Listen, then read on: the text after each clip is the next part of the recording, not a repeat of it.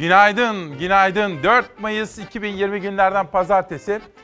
Tam sizlere günaydın demeye hazırlanıyorum ki birkaç dakika evvel yönetmenim Şehnaz dedi ki İsmail üzerindeki ne renk demez mi?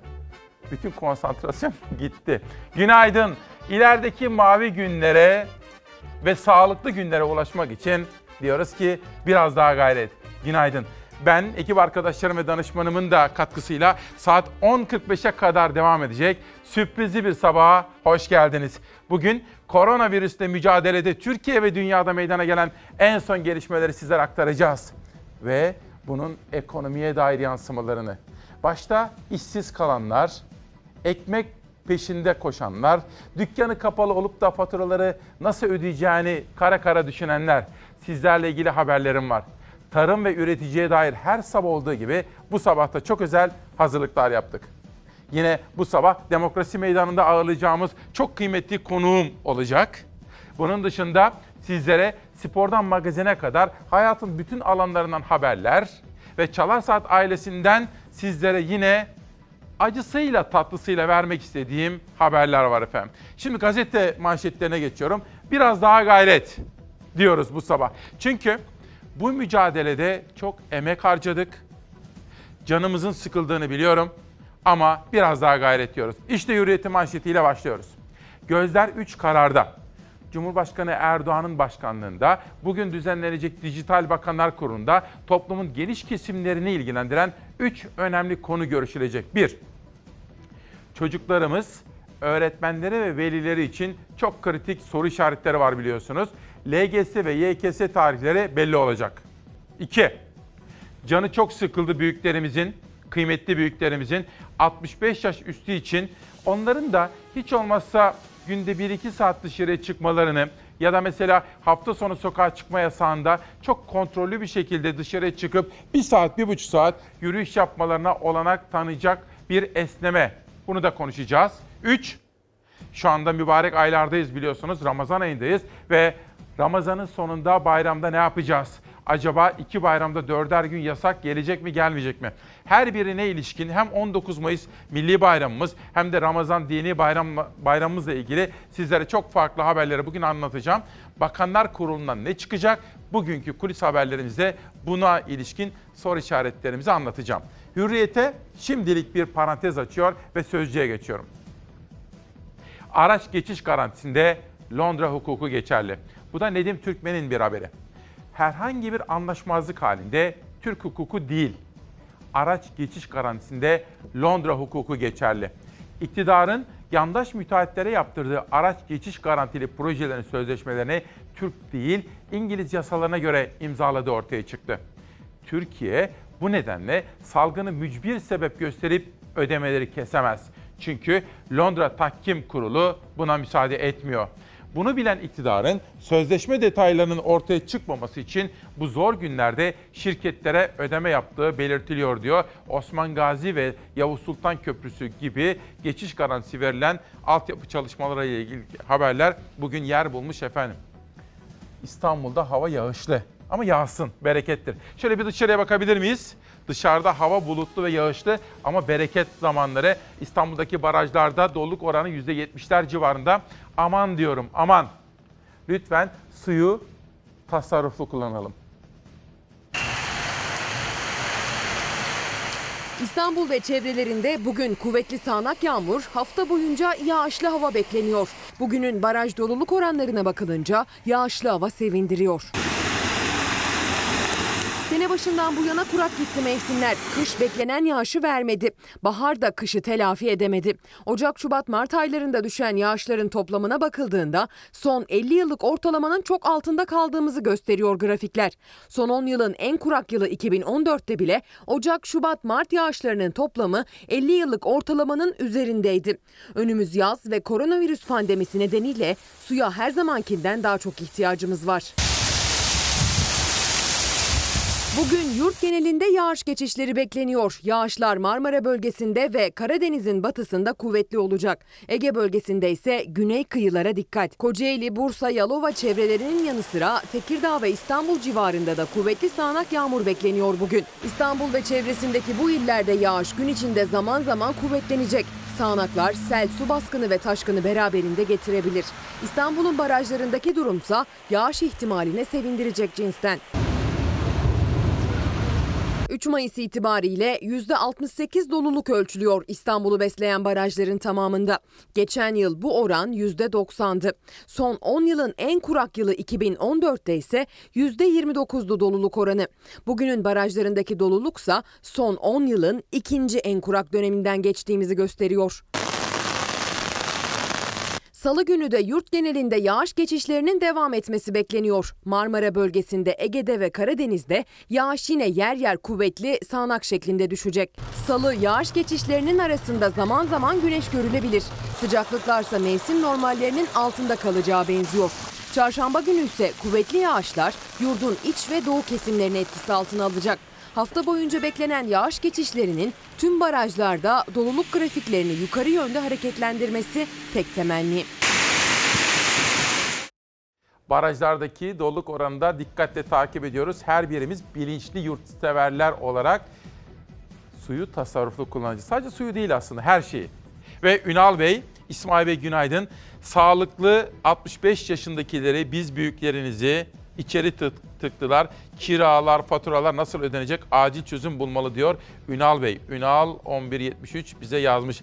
Almanya'daki Çalarsat ailesi de uyandı. Onlara da günaydın diyoruz içtenlikle ve Almanya ile birlikte bütün Avrupa'daki Çalarsat ailesinde sevgi ve saygıyla selamlıyoruz. Başta Amerika'dakiler olmak üzere onlara da iyi akşamlar diliyorum. Sözcü'deki bu manşete ilişkin ilerleyen dakikalarda konuşacağız. Bakın bir daha verelim. Çok konuşuluyor araç geçiş garantileri. Hani bir takım altyapı çalışmaları yapıldı, büyük projeler ve bunlara geçiş garantileri verildi. İktidar, muhalefet arasında çok yoğun bir şekilde tartışılıyor bu. Hatta şehir hastaneleri de. Ha yeri gelmişken şunu söyleyeyim. Hiçbir şekilde şehir hastanelerine falan karşı değiliz. Ama gayet tabii ki vatandaşlar olarak hakkımız var değil mi?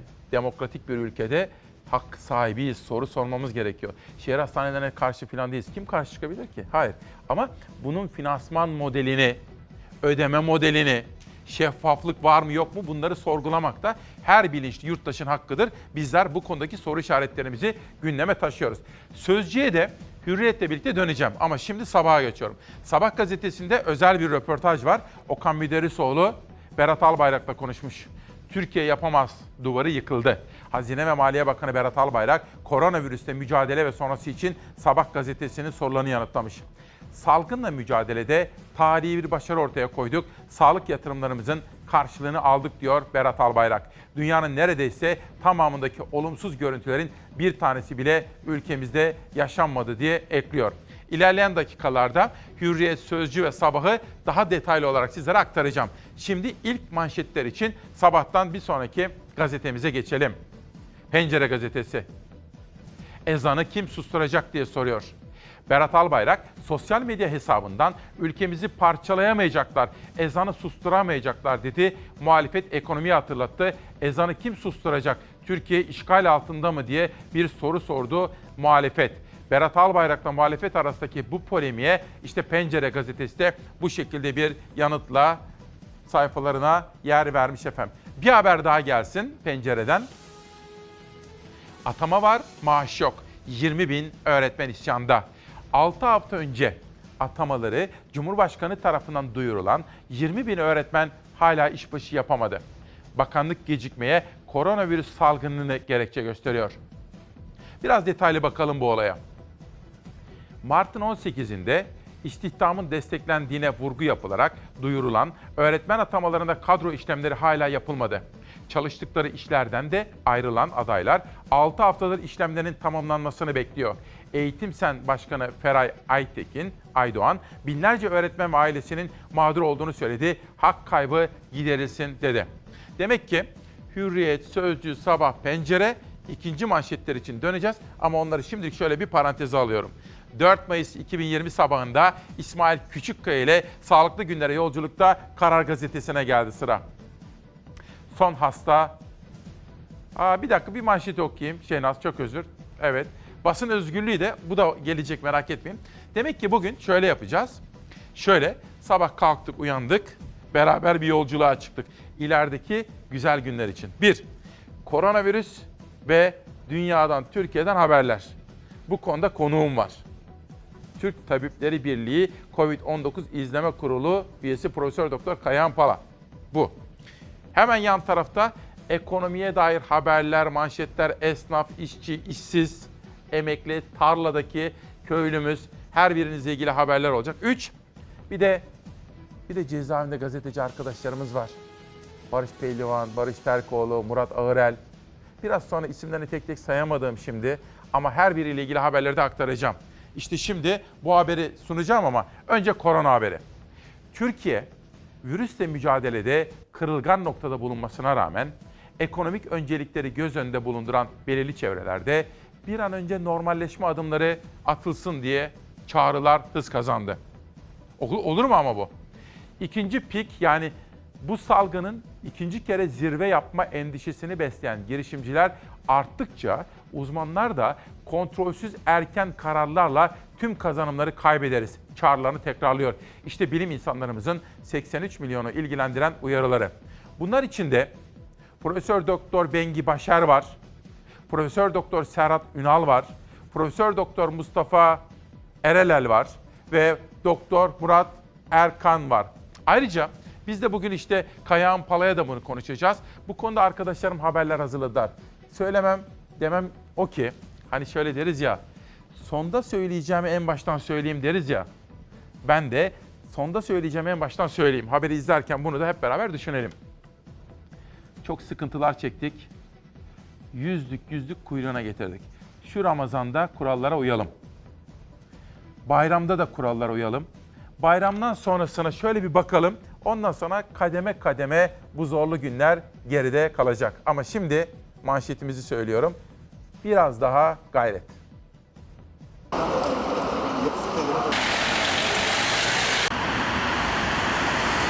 ...72 saatlik sokağa çıkma yasağı saat 24'te sona erdi. Bazı vatandaşlar yasak biter bitmez kendini dışarı attı. Kimi akaryakıt istasyonlarındaki markete koştu, kimileri ise ne maske taktı ne de sosyal mesafe kuralına uydu, yürüyüşe çıktı. Yasağın sona ermesiyle büyük şehirlerde araç trafiği gözle görülür şekilde arttı.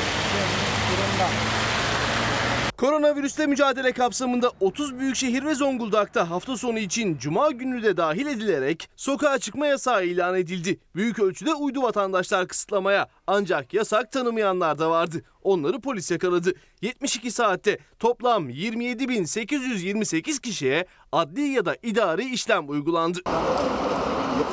Saatler 12'yi vurduğu anda yani pazardan pazartesiye döndüğü dakikada yasakta sona erdi. Yasak kalkar kalkmaz bazı İstanbullular kendini sokağa attı. Megakent İstanbul'da yollarda araç trafiği arttı. Trafik yoğunluğu %13'e ulaştı.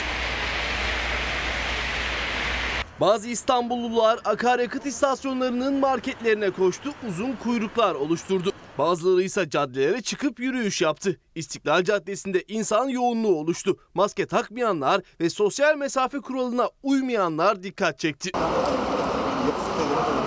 Ankara'da da benzer görüntüler vardı. Yasak bitti, başkentliler sokağa çıktı. Gece yarısı Ankara sokaklarında araç trafiği oluştu.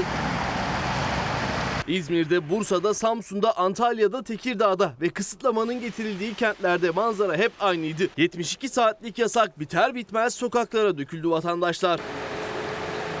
İçişleri Bakanı Süleyman Soylu gece saatlerinde sosyal medya hesabından paylaştığı bir mesajla uyardı herkesi. Yasağın bittiği günlerde rehavete kapılmayalım dedi. Pazartesi salı sosyal mesafeye, alışveriş yoğunluğuna, caddelerde kalabalık olmamaya dikkat edelim ifadelerini kullandı. Yepyeni haberler, taze manşetlerle yeni bir sabahı hep beraber karşılıyoruz. Biraz daha gayret dedik bu sabah. Biraz daha gayret edeceğiz. Ama bugün, bugün Bakanlar Kurulu'nda belki bazı esnetme kararları çıkabilir. Özellikle yaşı büyük olanlar. Yaşı büyük olanlarımız demişken sizlere zaman zaman bahsettiğim bir annem hastaneye kaldırıldı. Afife Sezer annem. İlkay Sezer'le konuştum. O bugün Ankara'ya gidiyor. Annesiyle ilgilenecek hastanede. Ben de yakından takip ediyorum. Bu sabahta Afife Sezer annemin şahsında bütün hastalarımıza en kalbi duygularla geçmişler olsun dileklerinde bulunmak istiyorum. İsmini söylemeyelim ama Twitter'da bir dakika önce TMC Rumuzlu bir arkadaşımız Atatürk portresi var. Diyor ki cepte para yok, elde maske yok, Biz yardıma koşuyoruz Avrupa'ya, Amerika'ya. Dünya bizi kıskanıyormuş, gülücük atmış efendim bakın. Param yok diyor, maskem yok diyor ama dünyaya yardım yapıyoruz diyerek hükümetin bu konudaki yaklaşımlarını eleştiren bir Türkiye Cumhuriyeti yurttaşı. Karar Gazetesi'ne geldi şimdi sıra. Türkiye bu sıraya layık değil. Dün pazar günü 3 Mayıs Dünya Basın Özgürlüğü günüydü ve tablonun vahim olduğunu söylüyor Karar Gazetesi editörleri. Türkiye 2020 Basın Özgürlüğü Endeksinde 180 ülke arasında 154. sırada yer aldı. En kötü istatistik için muhalefetten, medya örgütlerinden çağrı geldi. Bu utanç temizlenmeli. Bakalım kimler konuşmuş. CHP lideri Kılıçdaroğlu. Bugün çok sayıda gazeteci haber yaptığı için hapiste. Haber yaptı diye bir insan hapse mi atılır? Üstelik haber yalanlanmıyor ama gazeteciyi hapse atıyorsunuz. Akşener, İyi Parti lideri. Türkiye'de doğru ve tarafsız habercilik yapmak isteyen tüm gazetecilerimizin ceza alma ve engelleme korkusu olmadan özgürce ha- haber yapabildiği günler umuduyla derken Saadet lideri Karamollaoğlu, basın mensuplarının fikirleri sebebiyle tutuklu olarak yargılanmadıkları, çok seslilikten rahatsız olunmayan günler temennisiyle basın özgürlüğü günü kutlu olsun diyor. Davutoğlu, Gelecek Partisi lideri, başkanlık sistemi ifade özgürlüğündeki gerilemeyi derinleştirdi. Gözaltındaki gazetecilerin durumu hukukun üstünlüğünün bir yadı cemil olarak kaldığının ifadesi. Babacan, Deva Partisi'nin genel başkanı. Bugün 91 gazeteci haberleri ve fikirleri nedeniyle hapiste tutuluyor. Türkiye'nin basın özgürlüğü endeksinde 154. sırada bulunması özgürlükler adına büyük bir utanç diyor. Bu sayfada hemen yan tarafta bir fotoğraf ve bir haber görüyorum. Son bir yılda 28 gazeteci cezaevine girdi diyor. Ve burada TGS, TGC ve ÇGD'den yani gazeteci örgütlerinden gelen açıklamalar da detaylı olarak yer almış. Yani Türkiye'de çok sayıda gazetecinin gözaltında olduğunu, çok sayıda gazeteciye ilişkin mahkeme süreçlerinde devam ettiği belirtiliyor ve Türkiye'nin karnesi olumsuz olarak tanımlanıyor Karar Gazetesi'nde. Bugün işte koronaya ilişkin haberlerin yanı sıra basın özgürlüğünde ülkemize hiç de yakışmayan, bizim güzel ülkemizi dünyada hak etmediği bir yere doğru iten, algısını da bozan, itibarını da zedeleyen bu duruma ilişkin sizlere haberler aktaracağız, manşetler ve detaylar sunacağız efendim. Peki korona ile ilgili haberlere devam ediyoruz şimdi. Vatandaşların maskesi dinlesinler aracı. 36.5. Maskeniz yok galiba maske de verelim. Hallelujah. Türkiye koronavirüsle mücadelede aldığı tedbirler sayesinde her geçen gün daha olumlu bir tablo ortaya koyuyor. Tespit edilen yeni hasta sayısı 3 Mayıs'ta 1670 kişi olarak kayıtlara geçti. 24 saatte 24 bin koronavirüs testi yapıldı. Test sayısında bir günde 12 bin azalma dikkat çekti. Toplam hasta sayısı ise 126 bin 45'e ulaştı. 1424 hasta yoğun bakımda, 766 hasta ise solunum cihazına bağlı. 61 kişi daha koronavirüsten hayatını kaybetti. Toplam can kaybı 3397'ye yükseldi. Sağlık Bakanı Fahrettin Koca paylaşımında iyileşen hasta sayısının toplam mevcut hasta sayısının üzerine çıktığını vurguladı. 11 Mart'tan bu yana ilk kez bugün iyileşen hasta sayımız mevcut koronavirüs hasta sayımızı geçti. Tedbirlere uyuldukça sonuç çok daha iyi olacak. Geçmiş olsun. Tedavimizi tamamladık. İnşallah evde bir 14 gün daha izolasyonda kalacaksınız. Bir günde iyileşen hasta sayısı 4892. Bugüne kadar koronavirüsü yenen toplam hasta sayısı ise 63151'e çıktı. Sağlık Bakanı'nın açıklamasından anlaşıldığı kadarıyla mevcut hasta sayımız 63 binin altında. Gün be gün olumlu göstergelerle gelen tabloların en net sonucuysa hastaneler. Koronavirüsle mücadelede en önemli adreslerden biri Çapa Tıp Fakültesi'nde pandemi servisindeki hasta sayısı azaldı. Yoğun bakımda tedavi gören hasta sayısı ise %30'lara düştü. Bu tablo karşısında Dünya Sağlık Örgütü de Türkiye'den övgüyle bahsetti. Aldığı tedbir ve izlediği politikalarla Türkiye'nin dünyaya örnek olduğunu vurguladı. Dünya Sağlık Örgütü'nün Türkiye Sağlık Güvenliği Projesi koordinatörü, Türkiye'de kuruluşlarda alınan tedbirlerin bir yayın haline getirilerek yayımlanmasına karar verdiğini açıkladı. Çok yaklaşmayalım. Aranızı biraz açar? Sosyal mesafe. Türkiye salgınla mücadelesinde ilerleme kaydetti. Ancak tehlike hala devam ediyor. Bu yüzden tedbiri bir an olsun elden bırakmamalı. Çünkü tablonun tersine dönmesi an meselesi. Bilim Kurulu üyesi Profesör Doktor Ateş Kara, tedbirlerin gevşetilmemesi konusunda uyararak dikkat çeken bir açıklama yaptı. Türkiye'de 36 bin kişinin hiçbir belirti göstermeden taşıyıcı olabileceğini söyledi. Dünyadan gelen veriler ülkelerdeki vaka sayılarının %30'u kadar semptomu olmayan yani hayalet taşıyıcı olduğunu gösteriyor. O zaman şu anda Türkiye'de 122 bin vaka varsa dışarıda saptayamadığımız 36 bin kişi semptom göstermeden hastalığı taşıyor ya da hastalığı geçirmiş olabilir. Bu taşıyıcıların tespiti için yeni testler yapılacak. Testler ilk etapta toplu çalışılan iş yerlerinde uygulanacak. Profesör Doktor Kara, herkesin maske takması ve özellikle sosyal mesafeyi koruması gerektiği konusunda bir kez daha uyardı. Biraz daha gayret dedik bu sabahki manşetimizde ve sizlerden gelen bana da yardımcı olan adeta birer pusula gibi yolumu gösteren mesajlar. Şahin. Bunu belki editörüm de takip edebilir bakın önemli bir konu. İsmail abi günaydın. Kasım 2019 celbinin hizmet süresi bir ay uzatılmıştı. Hani biliyorsunuz terhisler bir ay ertelenmişti. Son durum nedir? Lütfen size güveniyoruz. Bilgi verir misiniz? Bir ay daha uzatılması söz konusu olur mu? Biraz daha gayret Mehmetçik terhisine kavuşsun, ailesine, sevdiklerine kavuşsun diyor Şahin. Bunu da editörüm not almıştır. Bugün araştıralım. Yarına sizlere aktaralım. Belki de bizi bilim kurulu zaten izliyordur. Onları da soru sormamız gerekiyor. Terhisler Türk Silahlı Kuvvetleri'nde biliyorsunuz koronavirüse ilişkin alınan tedbirler çok sıkı uygulanmakta. Acaba terhisle ilgili bir gelişme var mı onu da araştıralım. Karardan Cumhuriyet'e geçelim. Gökçek milat tanımamış. 17.25'ten sonra FETÖ televizyonlarına reklam desteği vermiş. Sena Yaşar'ın Cumhuriyet'teki manşeti. FETÖ'ye parsel parsel arazi vermekle suçlanan eski Ankara Büyükşehir Belediye Başkanı Melik Gökçek'in AKP'nin mücadelede milat olarak kabul ettiği 17-25 Aralık'tan sonra da örgüte destek verdiği ortaya çıktı diyor gazete haberinde.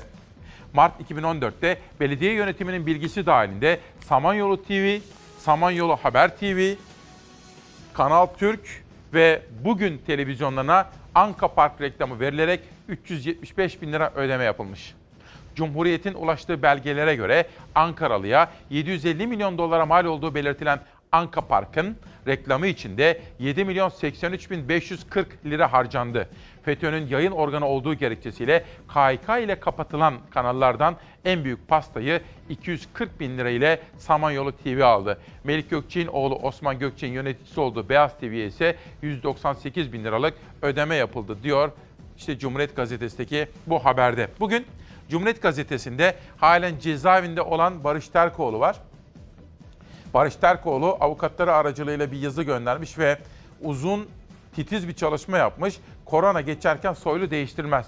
Süleyman Soylu, AK Parti içerisindeki tartışmalar, polemikler, güç mücadeleleri bu konularda duygu ve düşüncelerini belgelere de bakarak, okuma da yaparak Barış Terkoğlu bugün okullarıyla paylaşmış efendim. Soylu'yu istifaya götüren süreç ve Soylu'nun istifasının neden kabul edilmediğini AK Parti içindeki güçler dengesine bakarak yorumlamış yazar.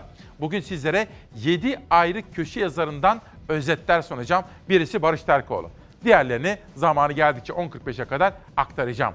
Cumhuriyet'ten bir detay daha gelsin. Biliyorsunuz 1 Mayıs İşçi Bayramı'nda İsmail Küçüköy'le Demokrasi Meydanı'na katılmış ve sözleriyle çok ilgi çekmişti. Erkan Baş, seven de sevmeyen de, sözlerine katılan da katılmayan da yoğun bir katılım göstermişti ve çok ilgi çekmişti. İşte Cumhuriyet Gazetesi'nden İpek Özbey kendisiyle röportaj yapmış. Tip Başkanı Erkan Baş, babam o eve giremedi. 23 Nisan'da Türkiye Büyük Millet Meclisi'nde konuşması kesilen ve herkeste merak uyandıran Türkiye İşçi Partisi Genel Başkanı Erkan Baş ile buluştuk diyor. İşçi haklarının peşi sıra gitmeye karar verdiği anı konuşmuşlar. Babamı 49 yaşında kaybettik. Hayatı boyunca Almanya'da Ali Beyköy'deki evi yapmak için çalıştı ama o eve giremedi diyor. Cumhuriyet'ten akşama geçeceğim. İşte gurbetçilerimiz bunu bilirler efendim. Orada 60'lı 70'li yıllarda Almanya'ya, Belçika, Hollanda, İngiltere, Fransa'ya yani Avrupa'ya giden bizim büyüklerimiz vardı biliyorsunuz. Onlar hayatı boyunca en zor işlerde çalıştılar ve biriktirdiler, biriktirdiler. Bulundukları memleketlerde yani Türkiye'deki il ve ilçelerinde, köylerinde birer ev yapalım diye yıllar yılı emek harcadılar onlar. Ve Akşam Gazetesi mucize ilacı üretebiliriz diyor. Korona tedavisinde kullanılan klorokini üretip bakanlığa bağışlayan ben sizlere bunun haberini vermiştim hatırlıyorsunuz. Kendisiyle konuşmuştum. Abdi İbrahim'in başkanı Nezih Barut ile ve Hindistan'dan ve Çin'den ham maddesini getirmişti o ilaçların ve tamamını üreterek devletimize bağışlamıştı bilabeder yani parasız. Şimdi Şenay Büyük Köştere'nin sorularını yanıtlamış ve hedef mucize ilaç Favipivar'ı üretmek demiş. Mucize ilacı üretebiliriz demiş efendim. Peki bir de bir soru soracağım ama yanıtını bildiğim bir soru. Yanıtını bildiğinizi bildiğim bir soru.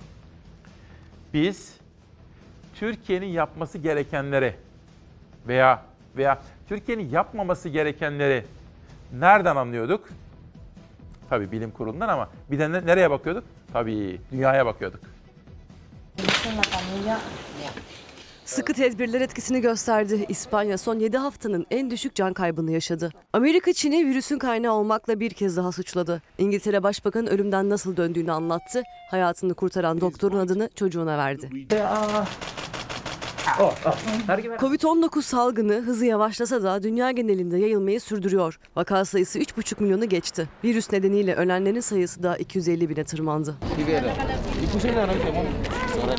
Hastalık son olarak Doğu Afrika'daki ada ülkesi Komorlar Birliği'nde görüldü. Böylece Afrika'da ilk Mısır'da görülen koronavirüs salgını güneydeki tüm kıtaya yayılmış oldu. Dünya genelinde ise virüsün ulaşamadığı sadece 13 ülke kaldı. Aralarında Türkmenistan ve Kuzey Kore'nin de olduğu bu ülkelerin çoğu küçük ada ülkeleri.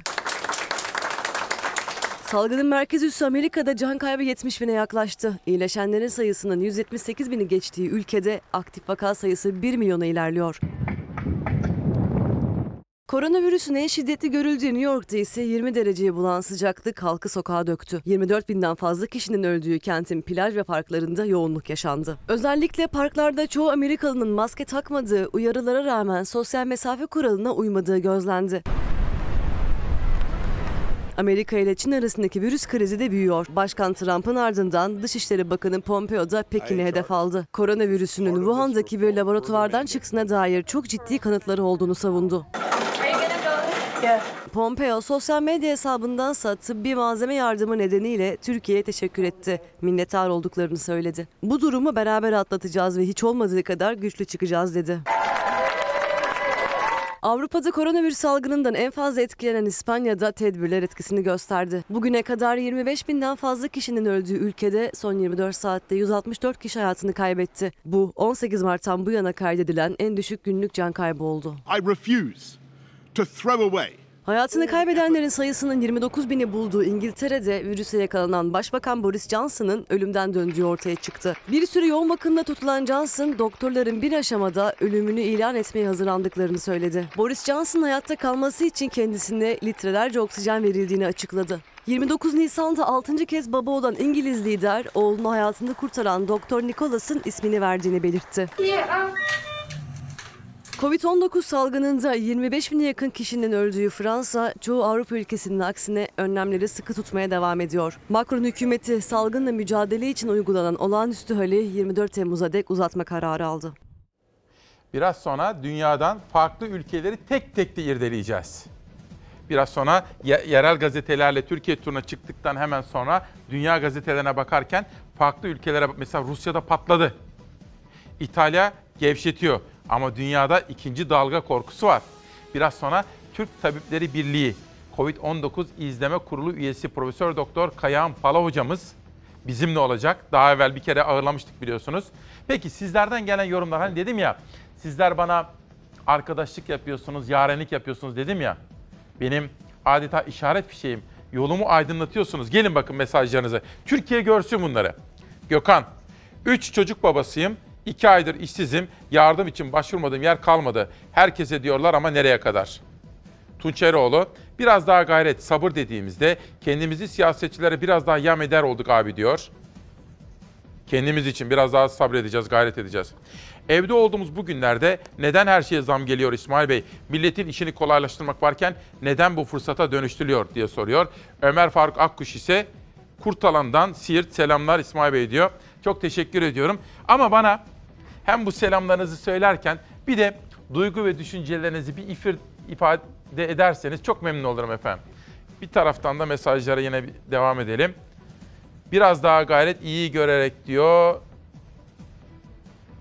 Hazim Yasbay bizi eleştirmiş ama o eleştirisi haksız ve birazcık da ağır. Bakalım Osman Bey ne güzel bütün gazeteleri sağdan sola hepsini sizden dinleyebiliyoruz diyor. Çok teşekkür ederiz.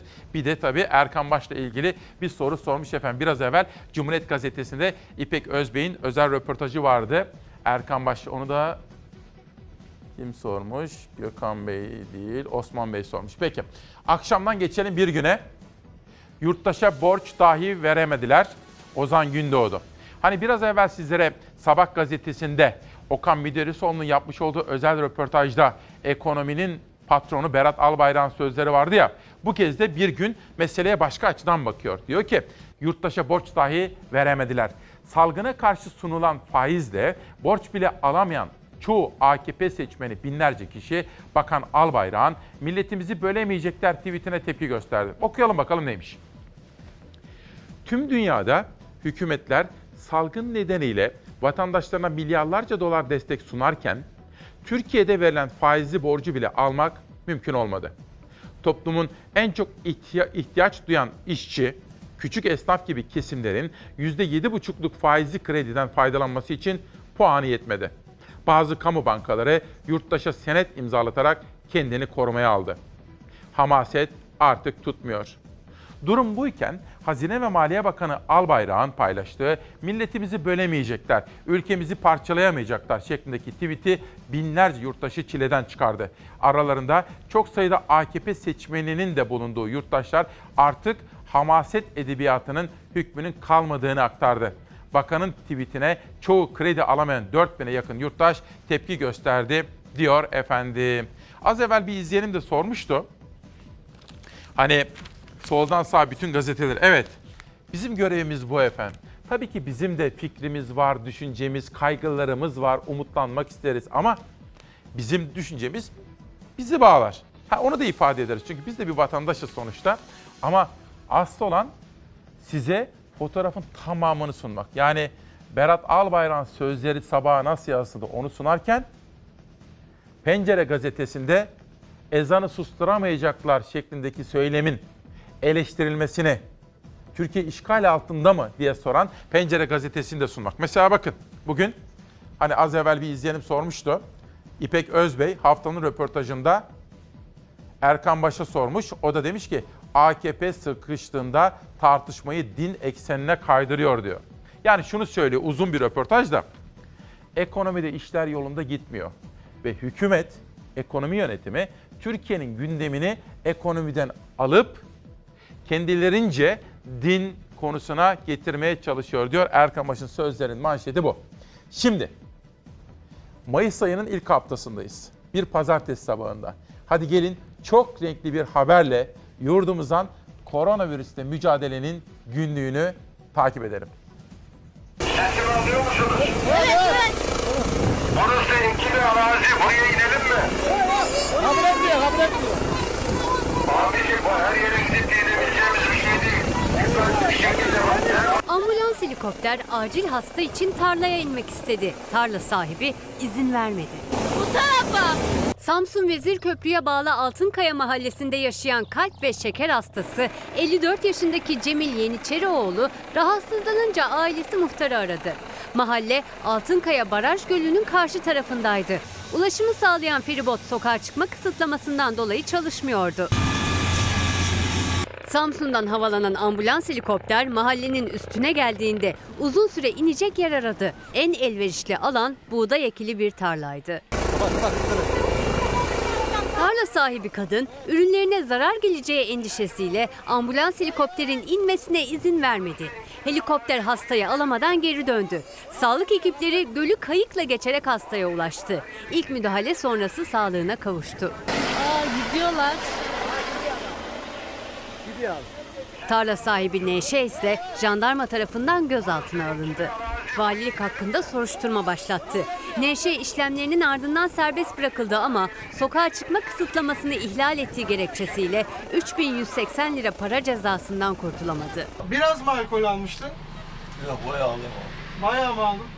Adana'da ise CA isimli vatandaş sokağa çıkma kısıtlamasını ihlal etmekle kalmadı, alkollü olarak direksiyon başına da geçti. Otomobille gezerken park halindeki yolcu otobüsüne çarptı. Kaza sonrası CA'yı sıkıştığı yerden itfaiye kurtardı.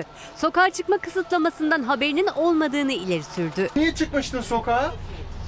Niye? Yasak var dışarıda. Yasak vardı sokağa çıkma kısıtlaması. Allah Allah.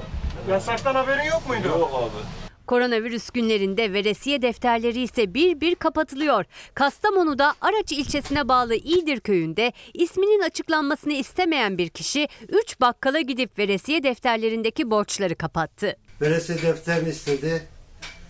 Kaç kişinin veresiye olduğunu hesabını çıkarttırdı bana. ödemesini yaptı. İsminin duyulmasını söylemek istemedi. Gerçekten çok mutlu olduk şu dar zamanda, şu ıı, kötü zamanda. İyilik hareketine Gaziantep Valiliği de katıldı. Gönüllü vatandaşların desteğiyle 22 mahallede toplam 200 bakkalın veresiye defterleri satın alındı.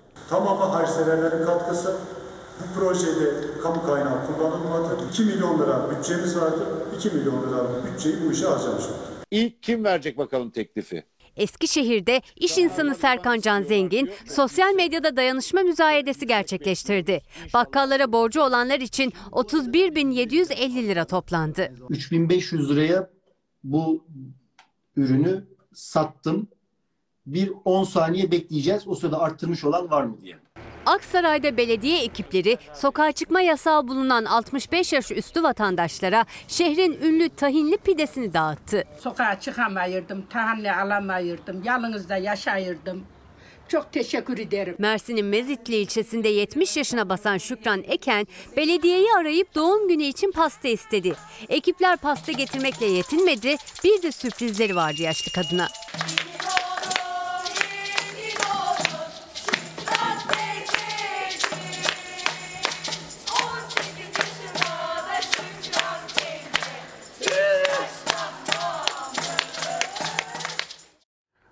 Çok güzel haber olmuş, renkli bir haber olmuş.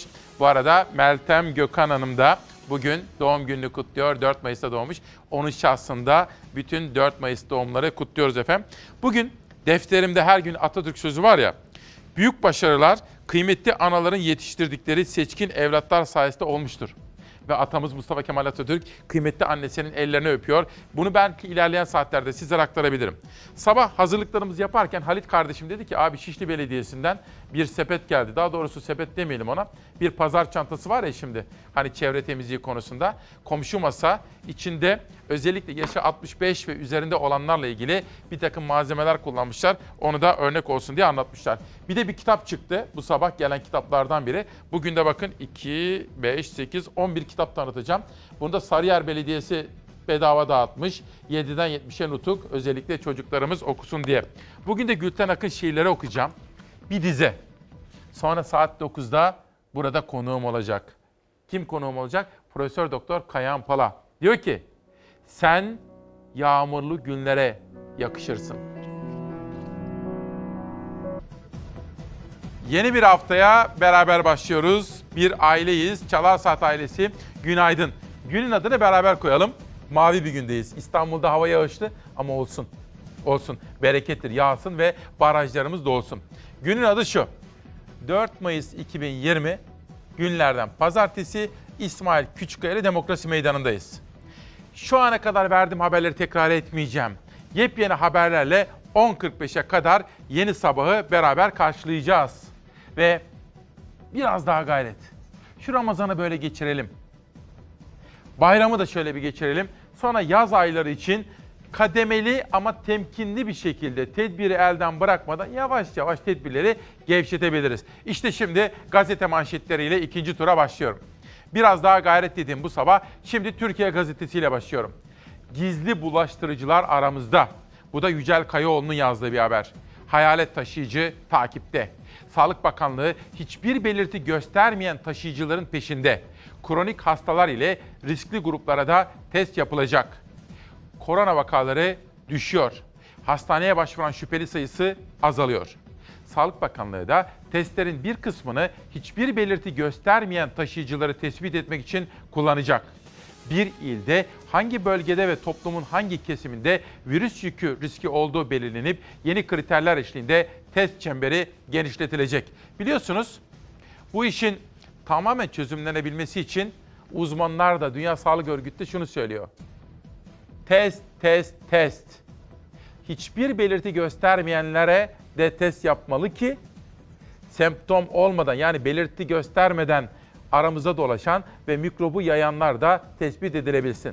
Biraz sonra saatler 9'u azıcık geçerken Türk Tabipleri Birliği COVID-19 İzleme Komitesi üyesi Profesör Doktor Kayan Pala bizlerle olacak efendim.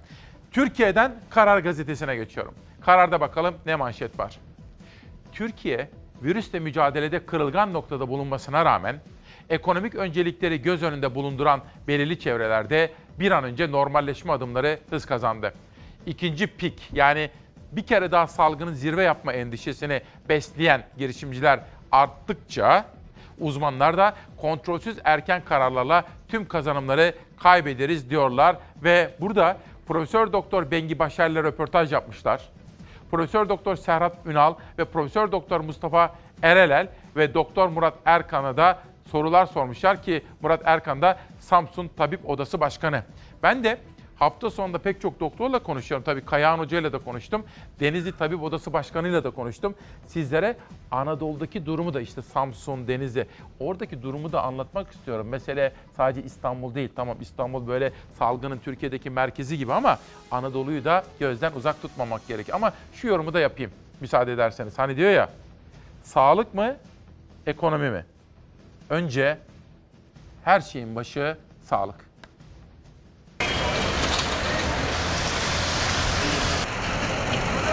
Şu anda yoğunluktan dolayı giremiyoruz. Halin o- hali ortada. Vallahi ne yapacağız bilmiyoruz abi. Sabaha kadar buradayız. 3 günlük sokağa çıkma yasağı sona erdi. Pazarcı esnafı İstanbul'un sebze ve meyve ihtiyacının karşılandığı hale akın etti. Gece yarısı halin içinde ve dışında büyük yoğunluk oluştu. Halin içini görüyorsun, dışını görüyorsun. Kalabalığı görüyorsunuz. Yani mecbur malı taşıyoruz. 31 ilde uygulanan sokağa çıkma kısıtlamasının bitmesiyle bugün yine pazarlar kurulacak, vatandaşlar ihtiyaçlarını karşılayacak. Yoğun talebi karşılamak için pazarcı esnafı ve manavlar gece yarısı İstanbul Bayrampaşa'daki sebze meyve haline koştu. Halin giriş ve çıkışında büyük yoğunluk oluştu. Sağanak yağmurun altında çok sayıda trafik polisinin görev yapmasına rağmen gelen araç sayısı o kadar fazlaydı ki trafiğin hafiflemesi mümkün olmadı. Yaklaşık 5 saattir buradayız ve görüyorsunuz sizin de gördüğünüz gibi ne olacak böyle bilmiyoruz. Halin içinde de sosyal mesafe ortadan kalktı. Bazı vatandaşların maske dahi takmadığı görüldü. Meyve halindeki yoğunluk sabahın ilk ışıklarına dek sürdü. Yepyeni haberler, taze bilgilerle güvenilir konukların güven verici bilgilerini, bilimsel bilgileri sizlere aktarmaya gayret ediyoruz ki Türkiye bu virüsle mücadelede gerçekten avantajlı duruma gelsin. Kararda şöyle bir bakalım. Türkiye bu sıraya layık değil diye bir haber görüyorum. Bunu bugün çok detaylı olarak sizlere sunacağım. Ali Babacan'ın, Ahmet Davutoğlu'nun, Akşener'in, Kılıçdaroğlu'nun, Karamollaoğlu'nun. Tabii Türkiye'deki basının durumu çok iyi değil maalesef. Türkiye bu sıraya layık değil. Tabii bunu özellikle bizi yöneten iktidarın düşünmesi gerekiyor. Türkiye'yi nereden aldık, nereye götürüyoruz? Bize sürekli demokrasi dediler, özgürlükler dediler, normalleşme dediler, Avrupa Birliği standartları dediler. Ama geldiğimiz nokta bakın muhafazakar isimleri bile şoka uğrattı. Ali Babacan öyle diyor. Geldiğimiz noktadan hiç memnun değilim. Türkiye geriye gidiyor diyor Ali Babacan. Ahmet Davutoğlu da keza öyle. Biraz sonra izleyeceksiniz. Ama şurayı bir okuyayım izin verirseniz. Bakın burada meslek örgütlerimizin de tabii seslerini güzel çıkarabilmeleri gerekiyor. Daha yaratıcı. Mesela hani havuz medyasında hep aynı manşetlerle çıkıyorlar ya. Bir günde mesela bu gazeteci örgütleri bir şey organize etseler de bu konuyu mesela aynı manşetlerle çıksa bir gün. sesini yeterince duyuramıyorlar. Çok sayıda gazeteci cezaevinde. Daha yaratıcı, anayasamızın bize sağladığı haklar çerçevesinde bir takım ses duyurma çabalarına girişebilirler. Mesela TGS son bir yılda 103 gazeteci gözaltına alındı. 28'i cezaevine girdi. Kronik rahatsızlığı olan 85 gazetecinin sağlık hakları ihlal edildi derken Türkiye Gazeteciler Cemiyeti cezaevindeki gazeteciler infaz yasasından yararlanamadı. Türkiye gazetecileri içeride tutan ülke ayıbından bir an önce kurtarılmalı. ÇGD, Çağdaş Gazeteciler Derneği, Türkiye tutuklu gazeteci listesinde Çin'den sonra ikinci sırada. Gazetecilere yönelik baskılar örgütlü şekilde gerçekleştiriliyor diyor. Gazetecilerin özgürce konuşabilmeleri bir ülkenin namusudur, bir ülkenin itibarıdır. Çok sayıda gazeteci üzerinde davalar varsa, tehditler varsa, tazminat davaları varsa, hapis ihtimalleri söz konusuysa veya gazeteciler içerideyse bu ülke düşünmelidir. Geçen hafta Mehmet Barlas'la Hıncalı Uluç nasıl paslaşmışlardı? Türkiye'nin bu durumdan kurtarılması gerekiyor demişlerdi de topu Cumhurbaşkanı ve AK Parti lideri Erdoğan atmışlardı. Sabah gazetesinin iki duayen yazarı. Geçelim karardan bir sonraki manşete. Evrensel. Haberin olmaz. Gazeteciler 3 Mayıs Dünya Basın Özgürlüğü gününde baskı koşullarında giriyor. 86 gazetecinin cezaevinde olduğu Türkiye'de gazeteciler mesleğin önemini hatırlatan paylaşımlar yaptı diyor. Ve burada da işte Türkiye Gazeteciler Sendikası'nın vermiş olduğu bir takım bilgiler söz konusu. Evrenseli de tamamlayalım. Geçelim bir sonraki manşete. Hürriyet'in ilk haberini sunmuştum. Bu defa ikinci bir manşetle karşınızdayız. Gülistan Alagöz yazmış. Bodrum'da yıkıma devam. Bu bir beklesin. Pardon. Pardon Şehnaz. Bu bir beklesin. Hani sizlere ne diyorduk? Doktorlarımız doğup büyüdüğüm ilçede veya ilimizde okullarımızda her zaman en başarılı öğrenciler tıp istediler ve doktor oldular. Bir ülkenin en parlak beyinleri, en çalışkan öğrencileri tıp fakültelerine gittiler. Oraya gitmekle de kalmadılar. 6 yıl okudular, dirsek çürüttüler. Sonra tuz sınavı, uzmanlık, asistanlık. Çok zorlu, meşakkatli. Dolayısıyla bugünlerde koronavirüs belasında varsa bir başarımız o fedakar doktorlara çok şey borçluyuz. Bu işin üstesinden geleceksek o yıllar yılı hor gördüğümüz doktorların bu ülkenin en parlak gençlerinin elini öpmemiz gerekiyor. Yaşı kaç olursa olsun. Geçen hafta sizlere Cerrahpaşa'dan örnekler sunmuştuk. Şimdi de yine bir başka güzide bir gelenek. Hacettepe gibi, Ankara Tıp gibi, Cerrahpaşa gibi örneklerini saymakla bitiremeyeceğimiz. Bir de çapa vardı, çapa. Hastanedeki genel durumumuz Türkiye'nin genel durumunu yansıtmakta. Gelen hasta sayılarında azalma mevcut. %20'lik, %30'luk bir azalma söz konusu. Burası koronavirüsle mücadelede Türkiye'nin en önemli adreslerinden biri. Çapa'daki İstanbul Tıp Fakültesi Hastanesi. Doktorundan hemşiresine, hasta bakıcısından hizmet personeline gece gündüz çalışıyor. Onlar koronavirüs mücadelesinde en ön cephedeler. Salgın tehlikesiyle burun buruna canları pahasına hastaları iyileştirebilmek için çabalıyorlar. Verdikleri bu mücadelenin ve alınan tedbirlerin sonucunda Türkiye'nin bugün koronavirüs tablosu umut veriyor. Şu ana kadar İstanbul Tıp Fakültesi'ne yaklaşık olarak 6500 Covid nedeniyle tetkik amaçlı gelen hastamız söz konusu oldu. Yaklaşık 1500 civarında hastamız yatırılarak tedavi edildi ve taburcu edildi.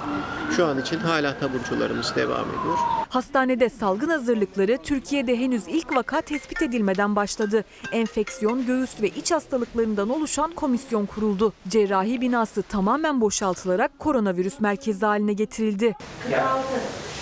50 metre. 50. Doktorlar hastaların yanına tüm koruyucu önlemleri alarak giriyor. Her biriyle tek tek ilgileniyor, hastalığın sürecini takip ediyorlar. Soldaki asansörlerimiz pandemik asansörü. Pandemik hastaların binip inip çıktığı asansörler. Arkamızda görmüş olduğunuz Covid izlem polikliniği dünyada bir ilk olarak kuruldu. Hastalar taburcu olduktan sonra burada takiplerine devam ediyoruz. O hastalardan biri de emekli göz doktoru Ayten Ateş yüksek ateş, baş ve kas ağrısıyla ilçe sağlık müdürlüğüne başvurdu. İlk yapılan test negatif çıktı ancak sonra durumu kötüye gidince İstanbul Tıp Fakültesine yatırıldı. Daha önceki günlere göre biraz daha iyi misiniz? Çok çok ya değil. Onda bir. Biraz sizi oksijensiz takip edeceğiz bundan sonra. Eczaneye gittim. Eldiven, maske takarak gittim. Bundan iki gün sonra ateş, kas ağrısı, baş ağrısı tüm belirtiler başladı. 10 gün önce 190 olan hasta sayısı hastaların tedaviye olumlu cevap vermesiyle birlikte 150'ye düştü. Yoğun bakımdaki hasta sayısı %30'lara indi. Günlük 30-40 hastayı taburcu ettiğimiz günler çok oldu. İstanbul Tıp Fakültesi Göğüs Hastalıkları Öğretim Üyesi Profesör Doktor Mustafa Erelel alınan tedbirler sayesinde durumun iyiye gittiğini vurguladı. Ancak rehavete kapılmayın diye de uyardı. Hiç kimse unutmasın ki bu çok daha tehlikeli bir boyutta tekrar gündeme gelebilir. Eğer biz her şey bitti diye günlük hayata, normal hayata dönecek isek bu pandeminin ikinci bir pik yapma ihtimali çok çok yüksek. Hijyen tedbirlerini, sosyal mesafeyi, maske kullanımını, özellikle el yüz hijyenini çok iyi bir şekilde kontrol etmemiz lazım. Doktorlarımız bakın Özlem Avcı diyor ki ne güzel diyor böyle doktorlar, hastaneler, hassasiyetimiz var. Ege'yi de unutmayın lütfen. Ege Tıp da çok başarılı diyor. Zuhal Hanım bir şey yazmış. Halktan toplanan korona bağışlarının şeffaf bir şekilde kuruş kuruş akıbetinin açıklanması gerekli. Şeffaflık önem verdiğimiz konulardan biri. Murat ne diyor? Murat, doktorlara ilişkin bu hassasiyetinizin sebebi nedir diye soruyor. Şu tarafa bakalım. Bir oradan açılsın bir buradan. Günaydın halkın sesi diyor Mustafa Bey. Benim kızım 4 yıl üniversite okudu, maliye atanamadı. Şu an asgari ücretle çalışıyor ama KYK borcu var. Bakın bu mesele de çözülmedi mesela. Öğrencilerimizin KYK borcunu. Bir başkası Manisa, Çanakkale, Kütahya, Maraş, Adana'da ki termik santrallere filtre takılacaktı. Ne oldu? Üzerinden 6 ay geçti. Haber var mı? Ordu, Perşembe, Yasonburnu'nda doğal dokuya müdahale var. Bunun haberini de bekliyor. Bakın bu da önemli. Bunu da ben mesela iyi bir soru. Hatta bir retweet yapayım bunu. Ezgi de takip etsin. Çevre haberidir. Önemli. Biraz evvel kim soruyordu? Murat Bey. Şimdi efendim doktorlara, öğretmenlerimize, büyüklerimizin sevgi ve saygı beslememiz gerekiyor. Bu zaten doğal olarak görevimiz. Bizler hayırlı evlatlar olmalıyız değil mi? Ama her birimizin yaşadığı öyküler yok mudur? Sağlık. Mesela küçüklüğümde kız kardeşim, iki kız kardeşim, bir erkek kardeşim, ben işte hepimiz. Ama Doktor Serpil Atabek. Kız kardeşimin birini ona borçluyuz. Detayını anlatmayayım şimdi çok özel duruma girmesin. Sonra İpek, hani doktorlara soruyor benim yeğenim var. İpek'in İpek'e çok önemli bir ameliyat yaptı yıllar evvel Serdar hocamız, Serdar Tekgül hocamız. Yani sağlık çalışanlarında hem geneli itibariyle vefa borcumuz var hem de özel hikayelerimiz vardır. O nedenle hayat borçluyuz. Yani can borçluyuz. Can borç. Ha bir de tabii şöyle bir durumda var benim açımdan. Ben bütün sosyal çevremi 1991'de tanıştığım Ali Kemaloğlu, Nihal Kemaloğlu. Onların sayesinde her ikisi de tıp dünyasından olduğu için benim bütün çevrem Ankara Tıp, Hacettepe, yani genelliği itibariyle doktorlardır benim çevrem. Böyle gelişti. Çünkü ailelerin içine girdim ve dolayısıyla burada bir hassasiyet gelişti. Ama dediğim gibi hepimizde olan özellikler. Hadi şimdi gelin Zafer Söken'le birlikte seçtiğimiz dış medyaya bakalım. Peşinden de Savaş Yıldız'la birlikte belirlediğimiz yerel gazetelerle Adana'dan Diyarbakır'a, İzmir'den Mersin'e kadar bir yolculuk yapacağız. Önce dünyanın manşetleri. Financial Times gazetesi. Çin bu virüsün başlangıç yeri, doğum yeri. Ama şimdi Çin iyileşti. Hatta çok önemli dünya çapında turistik mekanlarını da ziyaretçilere açtı. Fakat Çin hış, Amerika'nın hışmını üzerine de çekti. Financial Times'ta her ikisine ilişkin haberler var. Le Monde gazetesine geçiyorum. Le Monde gazetesinde çok çarpıcı bir haber bizi bekliyor. Diyorlar ki acaba hükümet şeffaf mı? Koronadan öldüğü açıklananların sayısı ile toplam ölüm vakaları arasında bir çelişki var. Hani Türkiye'de de böyle bir tartışma var ya.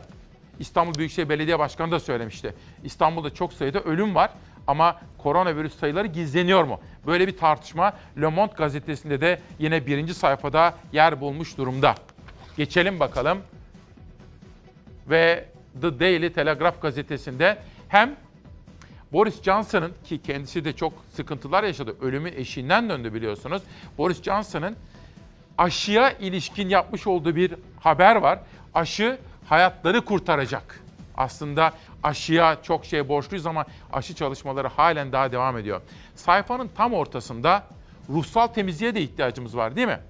Kiliselerde, camilerde, havralarda, ibadet yerlerinde de koronavirüse ilişkin alınan tedbirler kapsamında ibadetler yapılmıyordu. İşte haftalar sonra ilk defa bir rahip elinde dezenfektan şişesiyle birlikte kilisesinin kapılarını açmıştı Daily Telegraph'tan. Geçelim bir sonraki manşete. Bu kez Almanya'ya, Almanya'ya günaydın diyorum ama Guten Morgen demiyorum. Vamos diyoruz. Vamos hadi anlamına geliyor ama Almanca değil. Haftalar sonra Barcelona'da sokağa çıkma yasakları ile ilgili gevşetmeler olunca insanlar izolasyondan sonra kendilerini sokağa atmışlar ve baharın tadını çıkarmışlar. The Welt gazetesinden haber. Geçelim El Mundo gazetesine. Bu kez gündemimizde İspanya var. Ve İspanya'da Covid-19'un sürecinin kötü yönetildiğine dair pek çok işaret vardı ve şimdi hükümetin bu süreci kötü yönettiğine dair vatandaşlar, İspanyol vatandaşları hükümeti mahkemelere, anayasa mahkemesine giderek şikayet etmektelermiş. El Mundo'nun birinci sayfasında bir fotoğraf dikkatimi çekiyor. Bütün dünyada aynı fotoğraf aslında. Salgının bir yüzü tıp alanındaki gelişmeler ama bir yüzünde de fakirlik, yoksulluk ve gıda yardımları ile ilgili haberler işte burada yer bulmuş durumda. Dünyadaki gelişmelere bütün detaylarıyla bakarken sırada Beyza Gözey'in hazırlamış olduğu Amerikan dosyası var. tell you that there is a significant amount of evidence that this came from that laboratory in Wuhan. My opinion is they made a mistake. They tried to cover it. They Çin ve Amerika arasındaki virüs gerginliği büyüyor. Trump'tan sonra Amerika Dışişleri Bakanı Pompeo da virüsü Çin'in ürettiğini savundu. Amerika İç Güvenlik Bakanlığı Çin'e yönelik 4 sayfalık rapor hazırladı. Raporda Çin'in salgını kasten sakladığı suçlaması yer aldı. Bir yandan aşı bir yandan diğer tedavi yöntemleri için çalışmalar devam ediyor. Ancak Amerika Covid-19 salgınından darbe almaya devam ediyor. Bugüne kadar virüse bağlı can kayıpları 70 bine tırmandı. Amerika Başkanı Trump salgının başladığı günden beri virüsü Çin virüsü olarak tanımladı. Yeni tip koronavirüs Covid-19'u Çin'in ürettiğini savundu. Dünya Sağlık Örgütü'nün de Çin'le birlikte olduğunu iddia etti. Amerika'dan örgüte sağlanan fonu durdurduğunu açıkladı. Trump Çin'e yönelik suçlamalarına devam etti. Virüsün üretildiğine tekrar değindi. Çin korkunç bir hata yaptı ve hatasını saklamaya çalıştı dedi. Virüsün dünya yayılmasından sorumlu olduklarını savundu. so you could fly out of Wuhan Problemin merkezi olan aynı zamanda laboratuvarın bulunduğu Wuhan'dan dünyanın her yerine uçuş sağlandı. Ancak Pekin'de dahil olmak üzere Çin'in hiçbir yerine olan uçuşlara izin verilmedi. Tüm bunlar ne anlama geliyor? Trump'ın suçlamalarına Amerika Dışişleri Bakanı Pompeo da katıldı. Pompeo da kayda değer miktarda kanıta ulaştıklarını, virüsü Çin'in ürettiğini savundu. Ardından Amerika İç Güvenlik Bakanlığı 4 sayfalık bir rapor hazırladı. Çin'in salgını kasten sakladığı raporda yer aldı. Raporda Covid-19 salgınının ve bulaşıcılık derecesinin tıbbi stok yapabilmek için kasten saklandığı ileri sürüldü. Çin'in tıbbi ekipman ihracatını yasaklaması ve bu malzemeleri yoğun miktarda ithal etmesi bu durumun kanıtı olarak sunuldu. Trump'ın suçlamalarını yönelttiği bir diğer adres olan Dünya Sağlık Örgütü de yer aldı raporda. Çin'in Dünya Sağlık Örgütü'nü bilgilendirmediği ifade edildi. İlaç çalışmaları tüm hızıyla devam ederken Trump 2020 sonunu işaret etti. Yıl sonunda Covid-19'u iyileştirecek bir ilacımız olacak açıklamasında bulundu. I think we're going to have a vaccine. I'm telling you, by the Bu arada hani biz bir aile izledik ya Tasada Kıvanç'ta Afife Sezer annem rahatsızlandı hastaneye kaldırıldı hafta sonunda. Bugün İlkay Sezer abimiz İstanbul'dan özel izinle Ankara'ya gidiyor. Hastanede Afife annemizi ziyaret edecek. Bugün de onun şahsında bütün hastalarımızı geçmişler olsun diyerek selamlamak istiyorum. Şu mesaj önemli. Bugün tabii Cumhurbaşkanlığı hükümet sisteminde Cumhurbaşkanı'nın bir açıklama yapmasını bekliyoruz. Kamuda idari izinler bugün bitiyor. Acaba Cumhurbaşkanı bu konuda açıklama yapacak mı diye soruyor. Bugün pek çok önemli konuda açıklamalar bekliyoruz. Kabine toplantısından sonra İbrahim Kalın Cumhurbaşkanı'nın sözcüsü bu konuda sinyalleri verdi. Gelin hep beraber mesajlara bakalım. Hep söylemez miyim size? Sizden gelen yorumlar, mesajlar benim için çok kıymetli. Siz benim işaret fişeğimsiniz. Hani var ya bir atarsınız aydınlanır ve ileriye doğru bakarsınız. İşte siz benim için, Çalar Saat ailesi için böylesiniz. Gelin beraber okuyalım. İsmail abi bu yasaktan sonra sokağa çıkanlar 20 yaş altını ve 65 yaş üstünü hiç mi düşünmüyorlar? Bakın bu bir soru Ayşe. Şehirler arası yolculuk yasağı ne zaman kalkacak? Bugün bu konuda da bir bilgi bekliyoruz. İçişleri Bakanlığı dün bir günlük uzattı şehirler arası seyahat kısıtlamasını. Bugün 24'e kadar ancak bugün bir haber bekliyoruz. Ek PSSS alımları yapılsın artık diyor Seyhan Aktan. Sayın Küçükkaya birkaç kez daha Yeni Yaşam gazetesinde ekranlarda görelim diye yazmıştım diyor. Pek çok gazeteyi sunuyoruz, sunmaya gayret ediyoruz. Şenol Çakır daha ne yapacaksın diye soruyor. Daha ne kadar özgürlük? Tabii cümleleri bozuk ama bana lan diye hitap etmezseniz sevinirim. Çünkü hani 45 yıllık arkadaş değiliz herhalde ki öyle olsanız bile birbirimize bu şekilde hitap etmemeniz gerekir. Beni eleştirebilirsiniz ama şunu şöyle diyebilirdiniz. Kimdi bu? Şenol arkadaş. İşte özgürce konuşuyorsunuz ya. Daha ne özgürlüğü diyebilirsiniz mesela. O zaman söylediğinizin bir anlamı olur. Yapıcı bir dille düşüncenizi ifade edebilirsiniz. Etmiş olursunuz. Böyle bir diliniz var, yeteneğiniz var değil mi? Allah akıl fikir vermiş, dil vermiş. Yazmışsınız. Ama hakaret etmeden. Fakat şunu söyleyeyim. Bizim meselemiz benim meselem değil. Biz Fox gibi başka kanallar da olsan isteriz. Bağımsız, özgür. Ha bunun bir bedelini size burada söylemeyeyim. Neler çektiğimizi söylemeyeyim değil mi? Bizim ve arkadaşlarımızın hangi bedelleri ödediğimizi, ödeme riskiyle karşı karşıya kaldığımızı, üzerimize hangi projektörlerin çevrili olduğunu, üzerimde 16 ay 20 günlük hapis cezası olduğunu söylemeyeyim size. Filanca kişinin açmış olduğu işte 70 bin lira tazminat yetmiyor daha da fazla tazminat. Ya bunları söylememize gerek yok değil mi? Ama söylememiz şu. Kendimiz önemli değiliz biz. Biz önemli değil. Biz oluruz bugün var yarın yok. Önemli değil. Önemli olan Türkiye'nin demokrasisi, özgürlüğü, Türkiye'mizin, bu çok sevdiğimiz ülkemizin Dünya Demokrasi Ligi'ndeki yeri. Benim meselem değil. Ben özgürce konuşuyorum. Bedelini öde öderiz tamam ama ülkem güzel olsun. Şimdi Adana gazetesiyle başlıyorum sonra İzmir'e geçeceğim. 5 Ocak gazetesi gündeme getirdiği konuyu takip ediyor. Önce Fox TV, sonra TV100 ve ardından Habertürk TV ulusal gündeme taşıdı. 5 Ocak haber yaptığı ulusal gündem oldu. Bahçeli Köprüsü'nü devlet yapsın. Olayı şöyle özetleyeyim.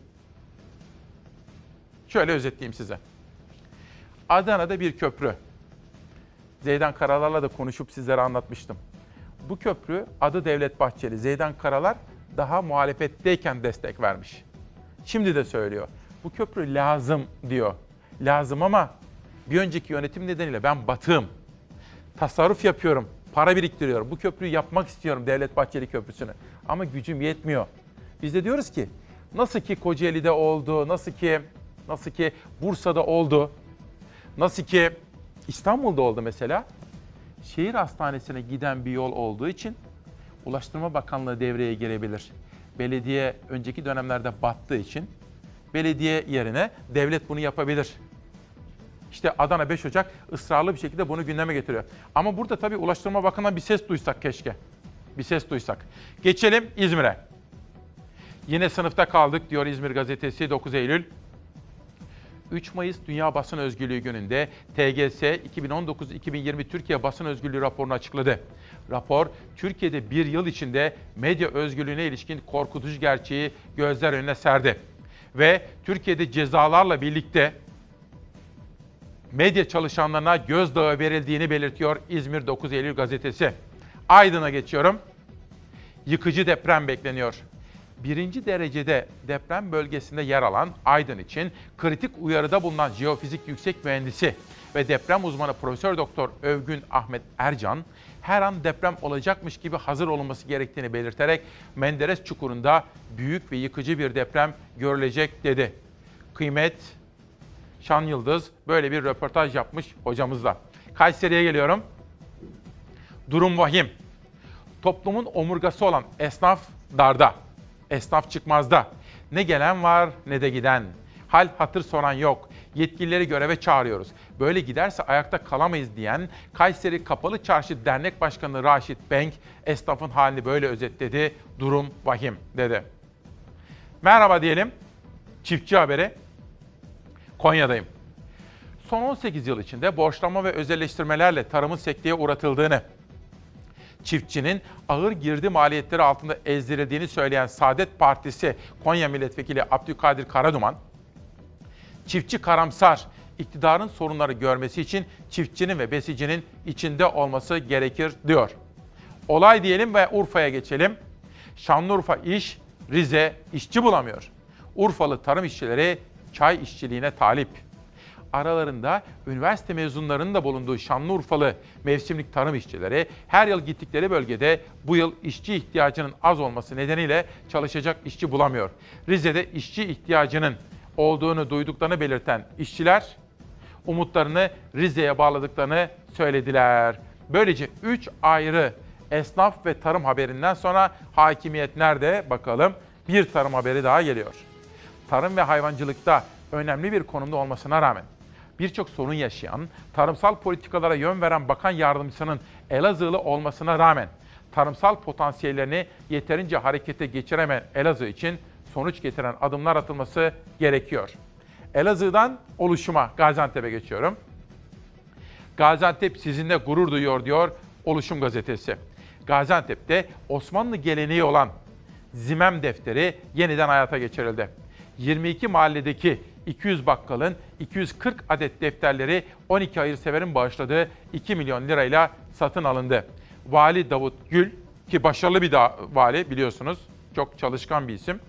Çok çabuk organize olduklarını ve bunu Gaziantep'in dışında başka bir ilde yapmanın çok zor olduğunu belirterek tüm hayırseverlere teşekkür etti ve devamının geleceğini söyledi. Biliyorsunuz bu proje Ankara'da da başlamıştı. Mansur Yavaş'ın başlattığı bu projede yoğun bir ilgiyle hayırseverlerle ihtiyaç sahiplerini buluşturuyorum. Sırada bir haber var. Ezgi Gözeger yaptı. Çok ilginç bir haber. Önce Samsun. Mesela Samsun'a gideceğiz. Tam oruç açılacak ama daha var bir saat. Fakat ezan okundu. Ne yapacağız? Oradan geleceğiz Karadeniz'den Bursa'ya. Yine orucun açılmasına daha vakit var ama ezan okundu. Ne yapacağız? Yanlış okudu yanlış. Ezan okundu, vakit geldi diye balkona çıktık. Baktık ezan okunmaya devam ediyor. Hoca bir saat erken okudu.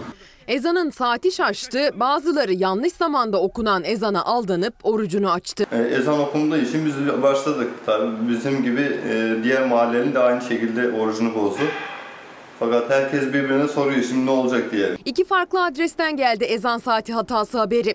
Bursa'nın Karacabey ilçesinde 6 dakika erken okundu ezan. Samsun'da ise 1 saat erken okundu.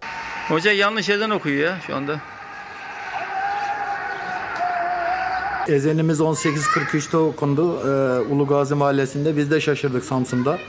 Ee, bir saat tahmini olarak önce okunduğunu düşünüyoruz.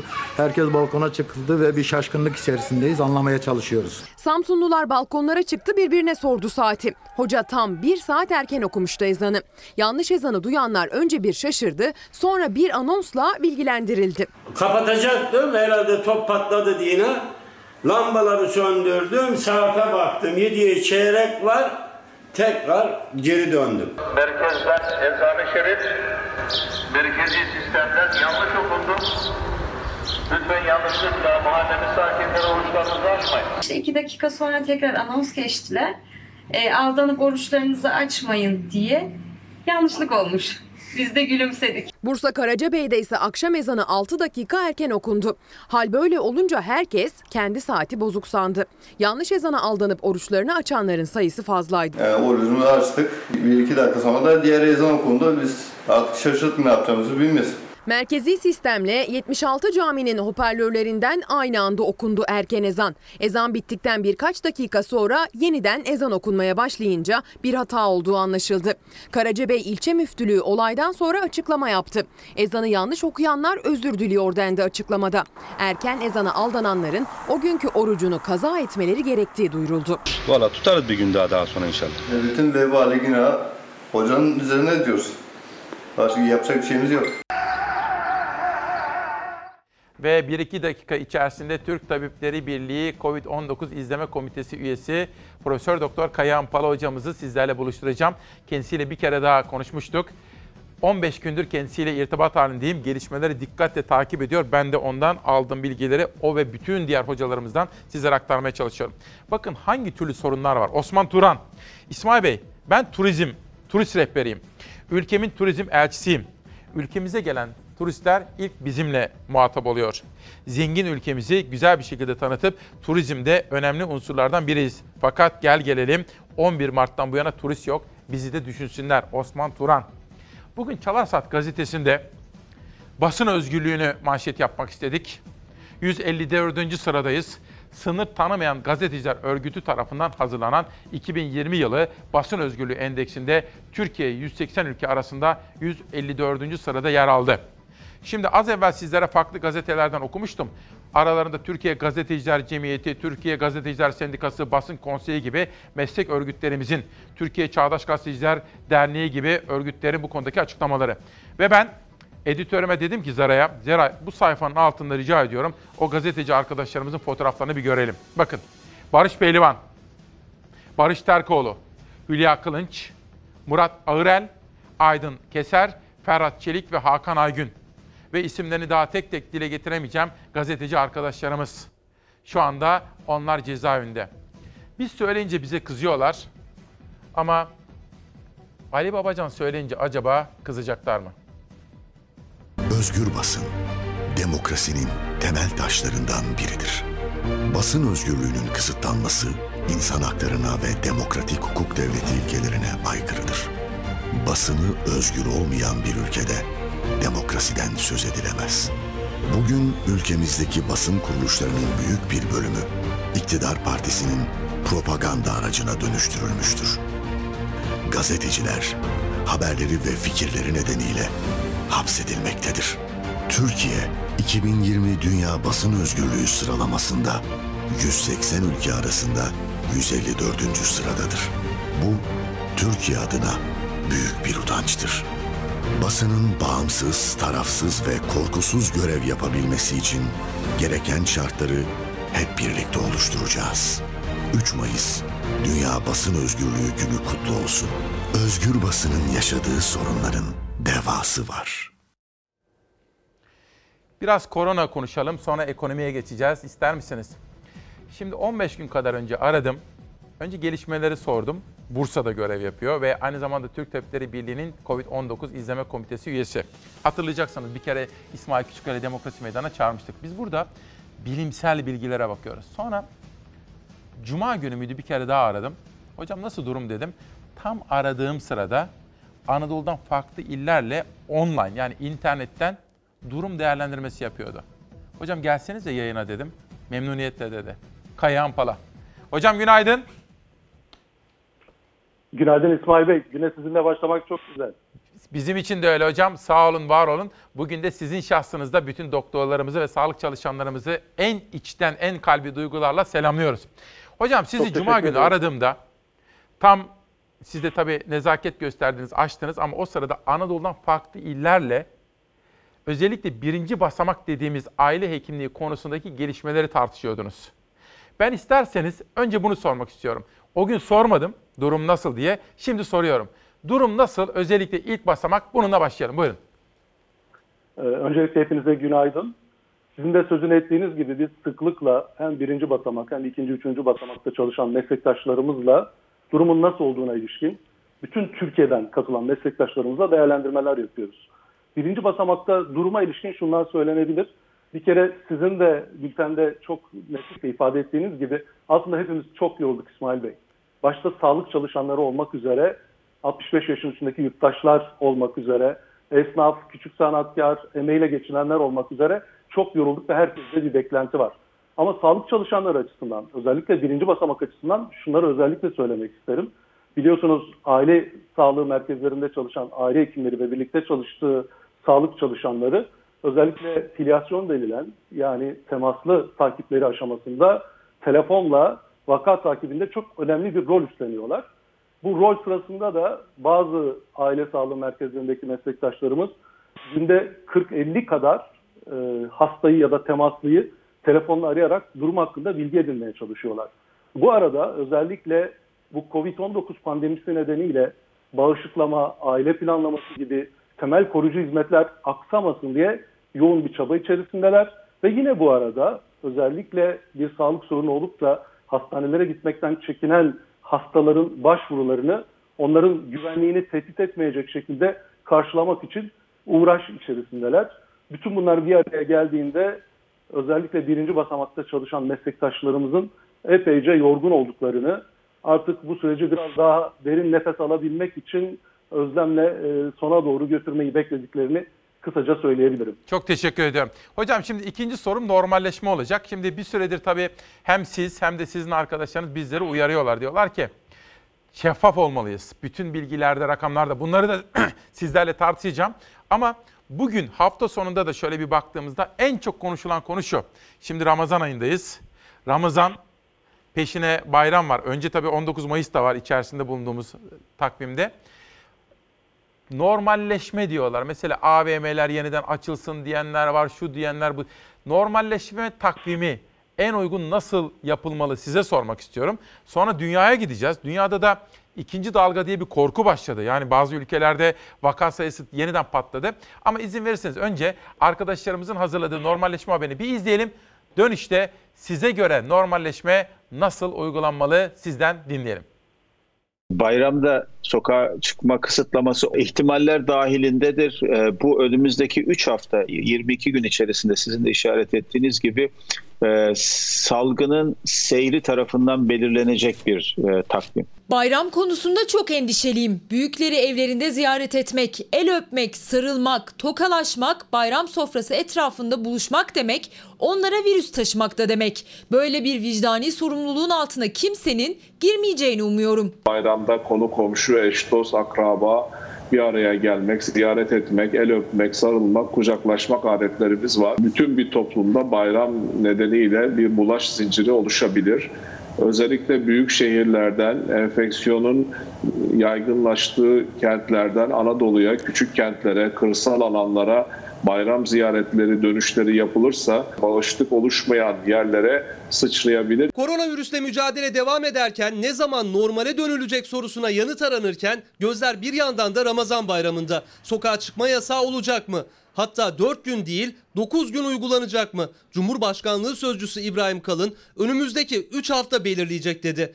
Bilim Kurulu'nun tavsiye kararına da işaret etti ama konuşan kurul üyelerinin çoğu zaten sıcak bakmıyor. İster 9 ister 4 gün yasak olsun ya da yasak uygulanmasın fark etmez. Yani devletimiz ne karar almış olursa olsun kafamızda oh salgın bitti artık serbestiz koşa koşa büyüklerimize gider el öperiz gibi bir düşünce varsa vay halimize. Önümüzdeki 3 hafta bizim için kritik onu bir görelim. Yine bilim kurulunun kanaatlerini, öngörülerini aldıktan sonra bu konuda Sayın Cumhurbaşkanımız varılacak nihai kararı kamuoyuyla paylaşacaktır. Bu bayramda gidemeyeceğiz gibi duruyor. Bu bayram çok önemli. Eğer kontrolü elden bırakmazsak bayram sonunda daha güzel şeyler konuşabiliriz. Bayramda bir normalleşme olması arzusunda değilim. O kadar emek çektik. Bu düşme döneminde işin ucu döner, virüs yeni bir atak daha yaparsa durum içinden çıkılamaz bir hale gelebilir. Normalleşme fazına geçebilmek için biraz daha zamanımız olduğu kanaatindeyim ki bu başarı sürsün. Bilim kurulu üyelerine göre geçmiş bayramların aksine ziyaretlerin yapılmadığı yani sokağa çıkma yasağının olduğu bir bayram geçirilirse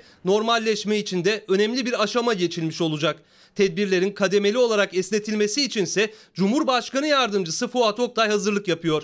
AVM'lerin açılıp açılmayacağı da o çalışmanın içinde. Normalleşme programı sektör sektör çalışılıyor şu anda. Hangi e, sektörlere öncelik verilecek? Hangi illerde öncelikli olarak kademeli olarak bu e, tedbirler esnetilecek? Çünkü e, bazı illerimizde vaka sayısı daha az. Bütün bunlar bir değerlendirildikten sonra esnafımızla ilgili de bir takım e, haberler olabilir. Türkiye'de 122 bin vaka varsa dışarıda saptayamadığımız 36 bin kişi semptom göstermeden hastalığı taşıyor ya da hastalığı geçirmiş olabilir. Normalleşme konuşulurken bilim kurulu üyesi Ateş Karaysa dünyadaki örnekler üzerinden dikkat çeken bir tespiti paylaştı.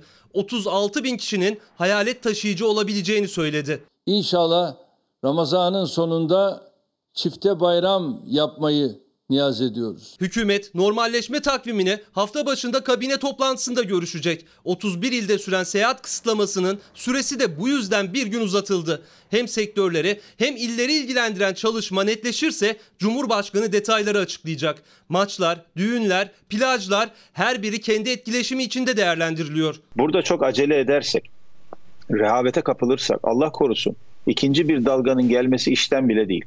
O yüzden temkinli gidiyoruz. Yeniden sarılırız zamanı gelince ısınır yer gök bizi görünce. Sağlık Bakanı Fahrettin Koca da sağlık çalışanlarının yer aldığı zamanı gelince sarılırız sözleriyle manidar klibi sosyal medyadan paylaştı. Şarkı sözleriyle mesaj verdi. Bütün sağlık çalışanlarımız uzun fedakarlık isteyen nöbetler tutuyor. Güzel haber olmuş, renkli bir haber olmuş ve Profesör Doktor Kayahan Pal hocamıza soralım. Hocam bu normalleşme dediğimiz şey nasıl olacak ve kademeli olarak nasıl normalleşeceğiz? Şimdi İsmail Bey hatırlarsanız biz bundan çok önce salgının tepe noktası için 20 Nisan civarında bir tarihi beklediğimizi söylemiştik. Gerçekten de öyle oldu. Şimdi bundan sonra artık dün itibariyle ölüm sayısının 60'lı rakamlara inmiş olması da çok e, memnun edici bir haber. Bizim beklentimiz Mayıs ayının son haftasına doğru salgın eğrisinde ciddi bir azalma olması. Haziran'ın ikinci haftasında da artık salgının etkisini yitirmesi elbette ikinci dalga olasılığı ortaya çıkmazsa. Normalleşme kavramına gelince artık bu pandemi öncesindeki döneme tamamen dönmek diye bir yaklaşımın gündemimizde olmaması gerektiğini düşünenlerdenim. Elbette bir yeni normal alan tanımlamamız gerekecek. Örneğin bu koronavirüsün etkisini ortadan kaldıracak bir aşı bulunmadığı müddetçe tekrar yeni bir dalga gelme ihtimaline karşın kapalı alanlardaki yaşantılarımızı yeniden düzenlememiz gerekecek. Yani eskiden olduğu gibi işte aramızda 20-30 santim mesafe bırakarak çok büyük kapalı alanlarda uzun zamanlar geçirerek e, yaşamamızın çok gerçekçi olmadığı açık.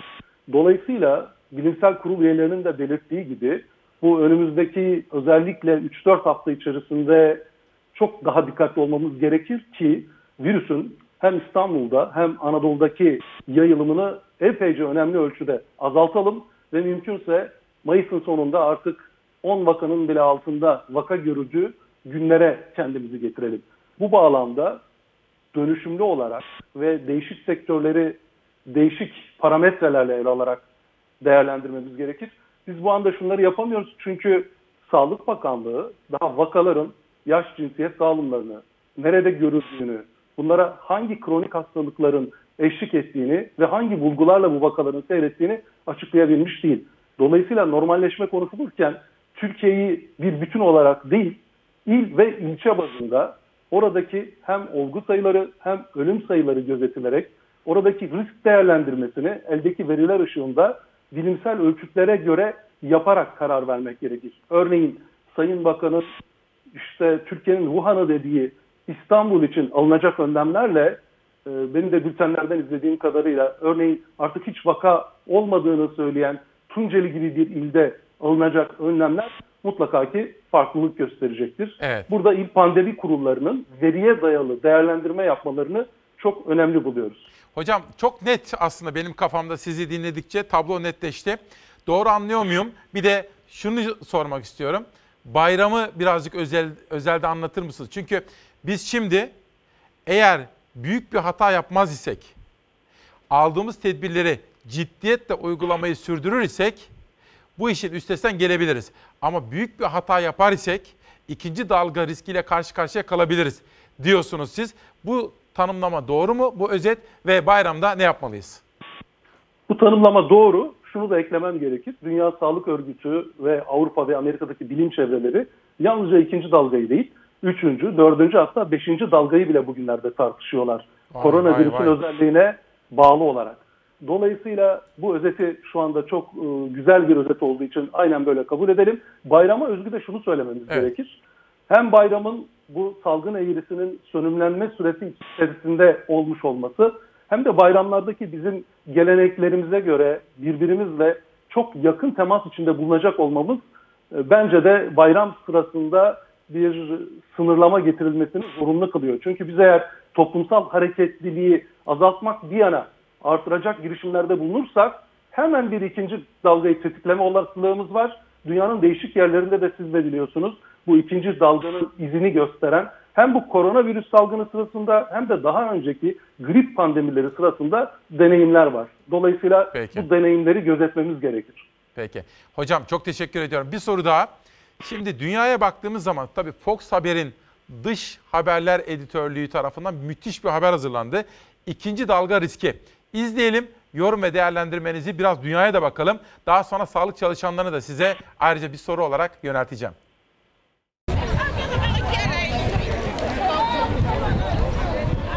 Kısıtlamalar gevşedi, salgında ikinci dalga baş gösterdi. Singapur'dan sonra Japonya'da da vaka sayısı fırladı.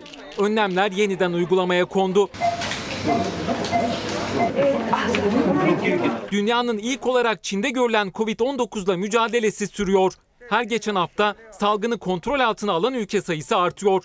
Hastalığın yayılması yavaşlatılırken başta Avrupa birçok ülke sıkı önlemleri gevşetmeye başladı. Dünya Sağlık Örgütü normalleşme adımlarına karşı ikinci dalga uyarısı yaparken yeni dalganın ilk işaretleri uzak doğudan geldi. Önce Singapur, şimdi de Japonya artan vakalarla mücadelede. Singapur'da vaka sayısı 50 gün içinde 266'dan 18 bine çıktı. 17 kişi hayatını kaybetti. Japonya'da ise aynı dönemde 678 olan vaka sayısı 15 bini buldu. Covid-19'dan ölenlerin sayısı da 29'dan 474'e yükseldi. Japonya'da ikinci dalganın adresi kuzeydeki Hokkaido adası oldu. Ada Covid-19'la Şubat ayı başındaki kar festivali sonrası tanıştı. Vaka sayısı hızla artınca ay sonunda olağanüstü hal ilan edildi. Okullar ve iş yerleri kapatıldı. Halktan evde kalmaları istendi. Sıkı önlemler sonrası günlük vaka artışı 1'e kadar düşünce 20 günün sonunda olağanüstü hal kalktı. Hayat bir anda normale döndü. Ancak bu adım salgının yeniden ortaya çıkıp yayılmasına zemin hazırladı. Günlük bir olan vaka artış sayısı Nisan ayı ortasında 135'e kadar çıktı. Olağanüstü hal ve sokağa çıkma yasağı yeniden getirildi. Yaklaşık 5,5 milyon nüfusa sahip ada, Japonya'da vaka sayısının en yüksek görüldüğü 5. yer oldu. Bugüne kadar 688 vakanın ortaya çıktığı adada 27 kişi hayatını kaybetti. Hokkaido'da kısıtlamaların 6 Mayıs'tan sonra bu kez kademeli olarak kalkması planlanıyor. Japonya genelinde ise bunun bir ay daha uzatılması gündemde. 70 bine yakın kişinin öldüğü Amerika'da da normalleşme tartışmaları yaşanıyor. Birçok eyalette kısıtlamaların kalkması için gösteriler yapılırken ikinci dalga uyarıları geldi. Başkan Trump'la sık sık fikir ayrılığı yaşayan Ulusal Alerji ve Bulaşıcı Hastalıklar Enstitüsü Direktörü Doktor Fauci, ikinci dalganın kaçınılmaz olduğunu söyledi. Virüs önlemlerinin gerektiğinden önce gevşetilmesi halinde ölü sayısının beklenenden daha fazla olacağını savundu. Fauci, ikinci dalga geldiğinde vakaların temas izinin sürülmesinin ve enfekte kişilerin izole edilmesinin en önemli faktör olacağını vurguladı. Profesör Doktor Kayahan Pala hocamıza soralım. Hocam ikinci dalga diyorduk fakat siz dediniz ki dünyada 3, 4, 5. dalgalardan da konuşuluyor. Şöyle bir soru aklıma geldi. Bu koronavirüs ne zaman tehdit olmaktan çıkabilir? Ee, Sayın Küçükkaya, koronavirüsün tehdit olmaktan çıkması için ya virüsün hastalık yapma yeteneğini kaybetmesi lazım ya da toplumun bağışık olması lazım. Şu aşamada virüsün kendisinin hastalık yapma yeteneğini kaybetmesini beklemiyoruz. Toplumun bağışık olması için de elimizde güçlü bir aşı henüz yok. Dolayısıyla toplumun %60-65'inden daha fazlasının hastalığı geçirerek bu virüsün salgın yapma yeteneğinin ortadan kalkmasını beklemekle ancak bu sorun çözülebilir gibi görünüyor. Ama sizin de bildiğiniz gibi hastalığın tedavisi olmadığı için buna toplum bağışıklığı ya da Türkçe'de bazen sürü bağışıklığı deniyor. Bu yöntemi tercih edecek olursak özellikle risk grubundaki insanların hayatlarını kaybetmesi söz konusu. Bunun en dramatik örneklerinden birisini biliyorsunuz. Bu yöntemi başta tercih eden İngiltere yaşıyor. Amerika Birleşik Devletleri yaşıyor. Hatta İsveç'i de buraya bir miktar e, koyarak e, sanırım abartmış olmayız. Dolayısıyla bizim şu anda seçmemiz gereken şey eğer daha fazla insanın bu hastalıktan ölmesini istemiyorsak, daha fazla insanın bu hastalıktan özellikle bir yoğun bakım ünitelerinde solunum desteğine bağlı olarak e, bir tedavi görmesini istemiyorsak virüsle olan bağlantımızı olabildiğince azaltmak olmalıdır. Yani salgını baskılama stratejisinde ısrarla devam etmek olmalıdır. Peki. Şimdi hocam sosyal medyadan gelen sorular, benim derleyip toparladığım manşetler var. İsterseniz böyle tık tık tık tık onlara bir gidelim ve sizden onların yorumlarını alalım bakalım. Emrah Altındiş. Bugün iyimserlik kötümserlik değil, gerçekçiliğe ihtiyacımız var. Çok başarılıyız propagandası gerçekçi değil ve toplumu rehavete sürüklüyor. Hocamıza soralım. Hocam rehavete kapılmak, kapılmamak bu konuda bir yorumunuz olur mu? Şöyle, ben de gerçekçi değerlendirmelerden yanayım. Biliyorsunuz bunu uzun zamandır da söylüyoruz. Türkiye'nin durumunu nesnel olarak ortaya koyup ne durumda olduğumuzdan yola çıkarak aldığımız önlemleri değerlendirmek ve gerekiyorsa yeni önlemler almak durumundayız. Yani önümüzde çok güzel günler var. Hadi deyip rehavete kapılmak bu hastalıkla mücadele etmek açısından uygun bir yol değil gerçekten. O yüzden özellikle Sağlık Bakanlığı'nı şeffaf bir biçimde elindeki verileri bilim insanlarıyla ve toplumla paylaşmaya sürekli çağırıyoruz biliyorsunuz. Peki teşekkürler. Geçelim bir sonraki mesaja. Melis Alpan. Karantinaya çok güzel alıştım. Korna sesi, araba sesi hatta en azından benim çevremde inşaat sesi bile yok. Benim normale dönüşüm sancılı olacak ya da İstanbul'a çekip gitmeme vesile. Hocam şöyle sormak istiyorum. Yeni normal ne? Artık tabii bu koronadan sonra eskisi gibi olmayacağız değil mi? Eskisi gibi kesinlikle olmayacağız. Hem kendi yaşam biçimlerimizi gözden geçirmemiz gerekecek. Hem üretim ilişkilerini hem de hayvanların doğal alanları başta olmak üzere bu ekolojik e, yapıyı gözden geçirmemiz gerekecek. Yani böyle büyük kentlerde, dar mekanlarda çok fazla insanın yaşamak zorunda kaldığı bir yaşam biçimi özellikle bulaşıcı hastalıklar açısından riskli. Bunları hemen çok kısa sürede değiştirmemiz mümkün olmayabilir ama her birimizin hem birey olarak hem de toplum olarak böylesine bulaşıcı hastalıklarla güçlü mücadele verebilmek için nasıl bir yaşam biçimini benimsememiz gerektiği üzerine kafa yormamız lazım. Burada tabii bireyin sorumluluğu çok daha sınırlıdır bana kalırsa. Burada devletlerin sorumluluğu çok ön plandadır. Özellikle bana çok fazla e, başvuru olduğu için söyleyeyim. Özellikle sizin programınıza çıkacağımı bildikleri için yüzlerce mesaj aldım. İşte bu pandemi sırasındaki kısıtlamalar nedeniyle gündelik gelir elde etmek zorunda kalan ya da küçük esnaf bir Evet. yerde çalışmak zorunda kalan insanlar evet siz bu önlemleri savunuyorsunuz ama biz ne yapacağız?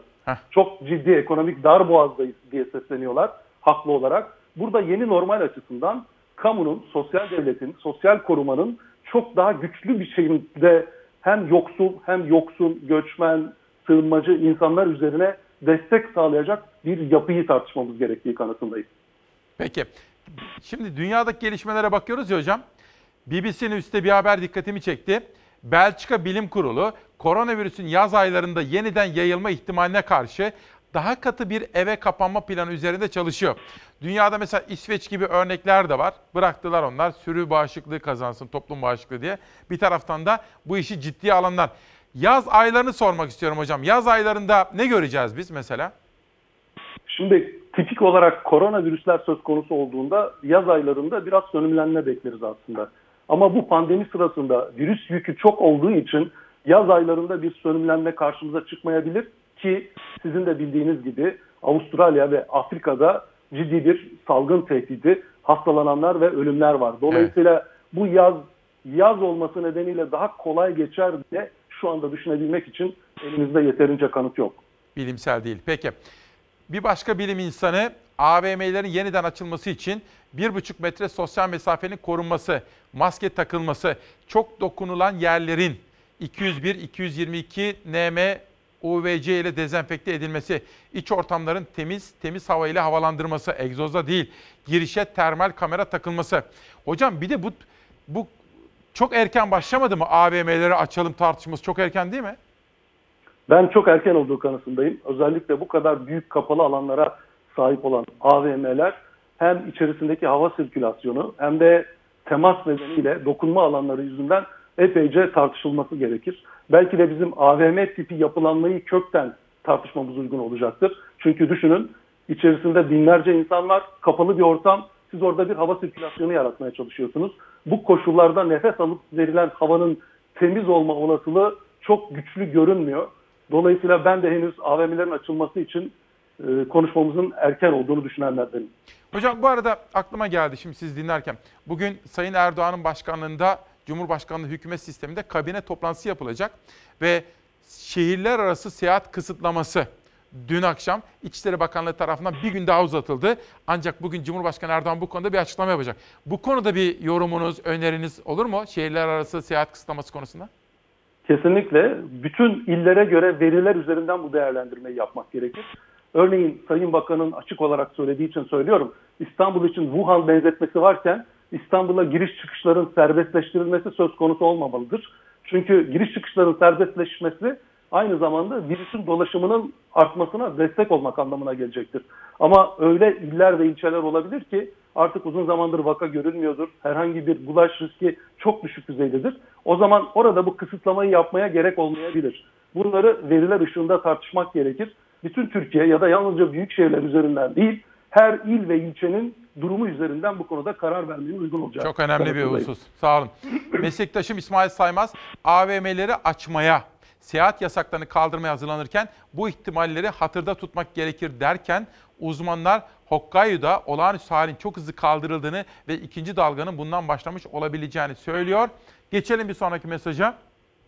Çağhan Kızıl, eğer sosyal mesafe uygulamaları gevşerse her şey yeniden başlar. Çok net.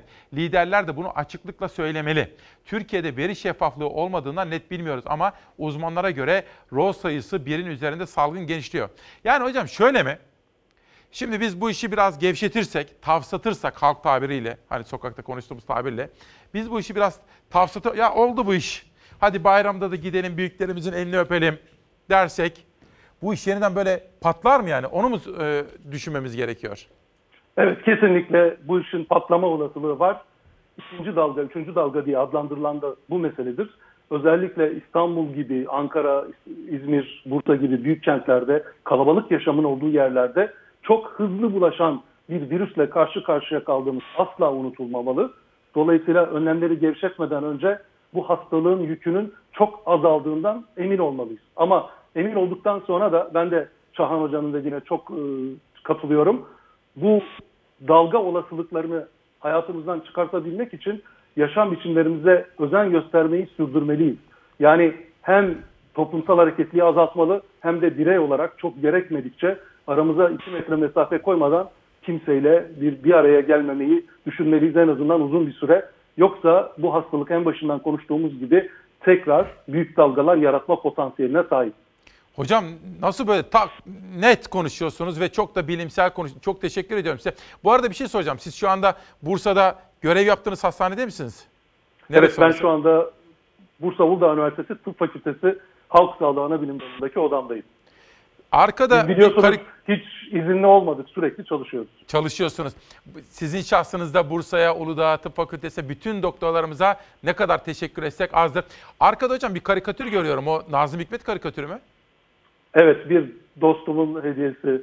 E, çok, çok hoş dikkatimi çekti de. Çok büyük, büyük şairimiz, dünya çapında dilimizi dünyaya tanıtan büyük şairimiz de bu vesileyle saygıyla anıyoruz. Sağlık çalışanlarını soracağım hocam size. Sağlık çalışanlarını çünkü gözümüz gibi korumalıyız. Sadece onları alkışlamakla yetinmemeliyiz. Türk Tabipleri Birliği bu konuda ne diyor size soracağım ama önce bütün Çalasat ailesi meselenin ne kadar ciddi olduğunu anlamak için asla yabana atılamayacak kadar riskli olduğunu anlamak için bir de Rusya'ya bakacağız.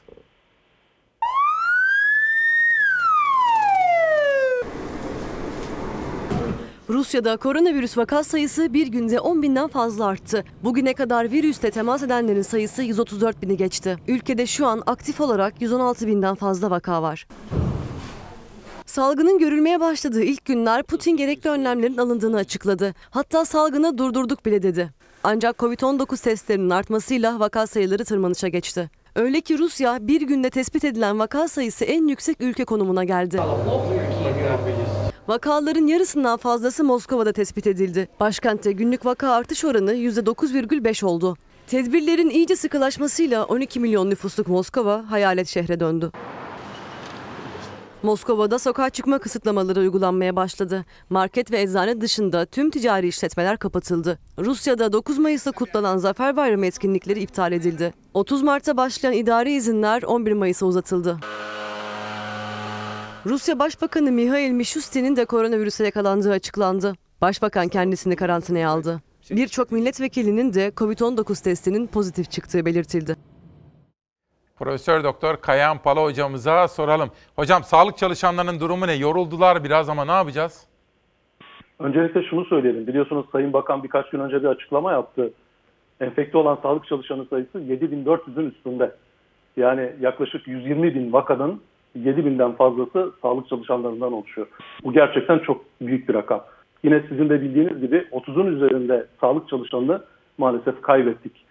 Dolayısıyla çok riskli bir dönemde özellikle salgının ilk başlarında koruyucu donanım eksikliğinden de kaynaklanan oldukça önemli sorunlar yaşandı. Bir de İsmail Bey biliyorsunuz bütün OECD ülkeleri içerisinde nüfusa göre kıyaslarsak en düşük doktor sayısı, en düşük hemşire sayısı bizde. Dolayısıyla bu kadar düşük sayıyla, bu kadar büyük özveriyle çalışan e, sağlık çalışanlarımız e, biraz enfekte oldular. Bu arada bizi çok yaralayan e, Zonguldak valisinin sözleri gibi sanki kendileri bu dönemde çok dikkatli olmamış da enfekte olmuşlar gibi bu konuları çok yeterince bilmeyen insanların yaptığı açıklamalardan da üzüldüler, yaralandılar. Bunu da özellikle söylemek isterim. E, hepimizin dileği özveriyle çalışmaya devam eden sağlık çalışanları adına söylüyorum. Bu pandemiyi olabildiğince az hasarla atlatmak sonrasında da biraz böyle temiz havaya çıkıp başımızı göğe kaldırarak derin bir nefes alıp ne güzel ne mutlu yaşamak diye bir mutluluk haline ulaşmak. Dolayısıyla bu çabayı daha bir süre hep birlikte sürdürmek zorundayız. Hocam şimdi o kadar tane tane sakin ama net anlatıyorsunuz ki hem yapıcı bir dil hem de tamamen netlik içerisinde konuşuyorsunuz. Eğer uygunsanız sizinle bir süre daha devam etmek istiyorum reklamlardan sonra. Uygun musunuz? Bir 10-15 dakikanız daha var mı reklamdan sonra? Elbette, elbette İsmail. Çünkü sormak istediğim sorular var. Mesela anneleri sormak istiyorum. Hani anneler, babalar. Hocam şimdi annemize evde misin diyoruz sürekli. Evde kalıyor annelerimiz, babalarımız. Anne pencereleri açtın mı havalandı? Evet. Evde hareket yaptın mı yapmadın mı? Fakat bu konuda yaşı 65'in üzerinde olan büyüklerimize ilişkin birkaç soru sormak istiyorum. Sizin yorumlarınızı alacağım. Ama şimdilik sizi bir serbest bırakalım. Biraz soluklanın. Reklamlardan sonra size geri geleceğim. Evet Kayahan Pala hocamızla sohbete devam edeceğiz. Çünkü uzatmak istedim biraz. O kadar net konuşuyor ki ben de çok şey öğreniyorum çünkü kendisinden. Ve bugün de İsmail Küçükkaya Demokrasi Meydanı'nda Türkiye'de eğitim politikaları Profesör Doktor Esergül Balcı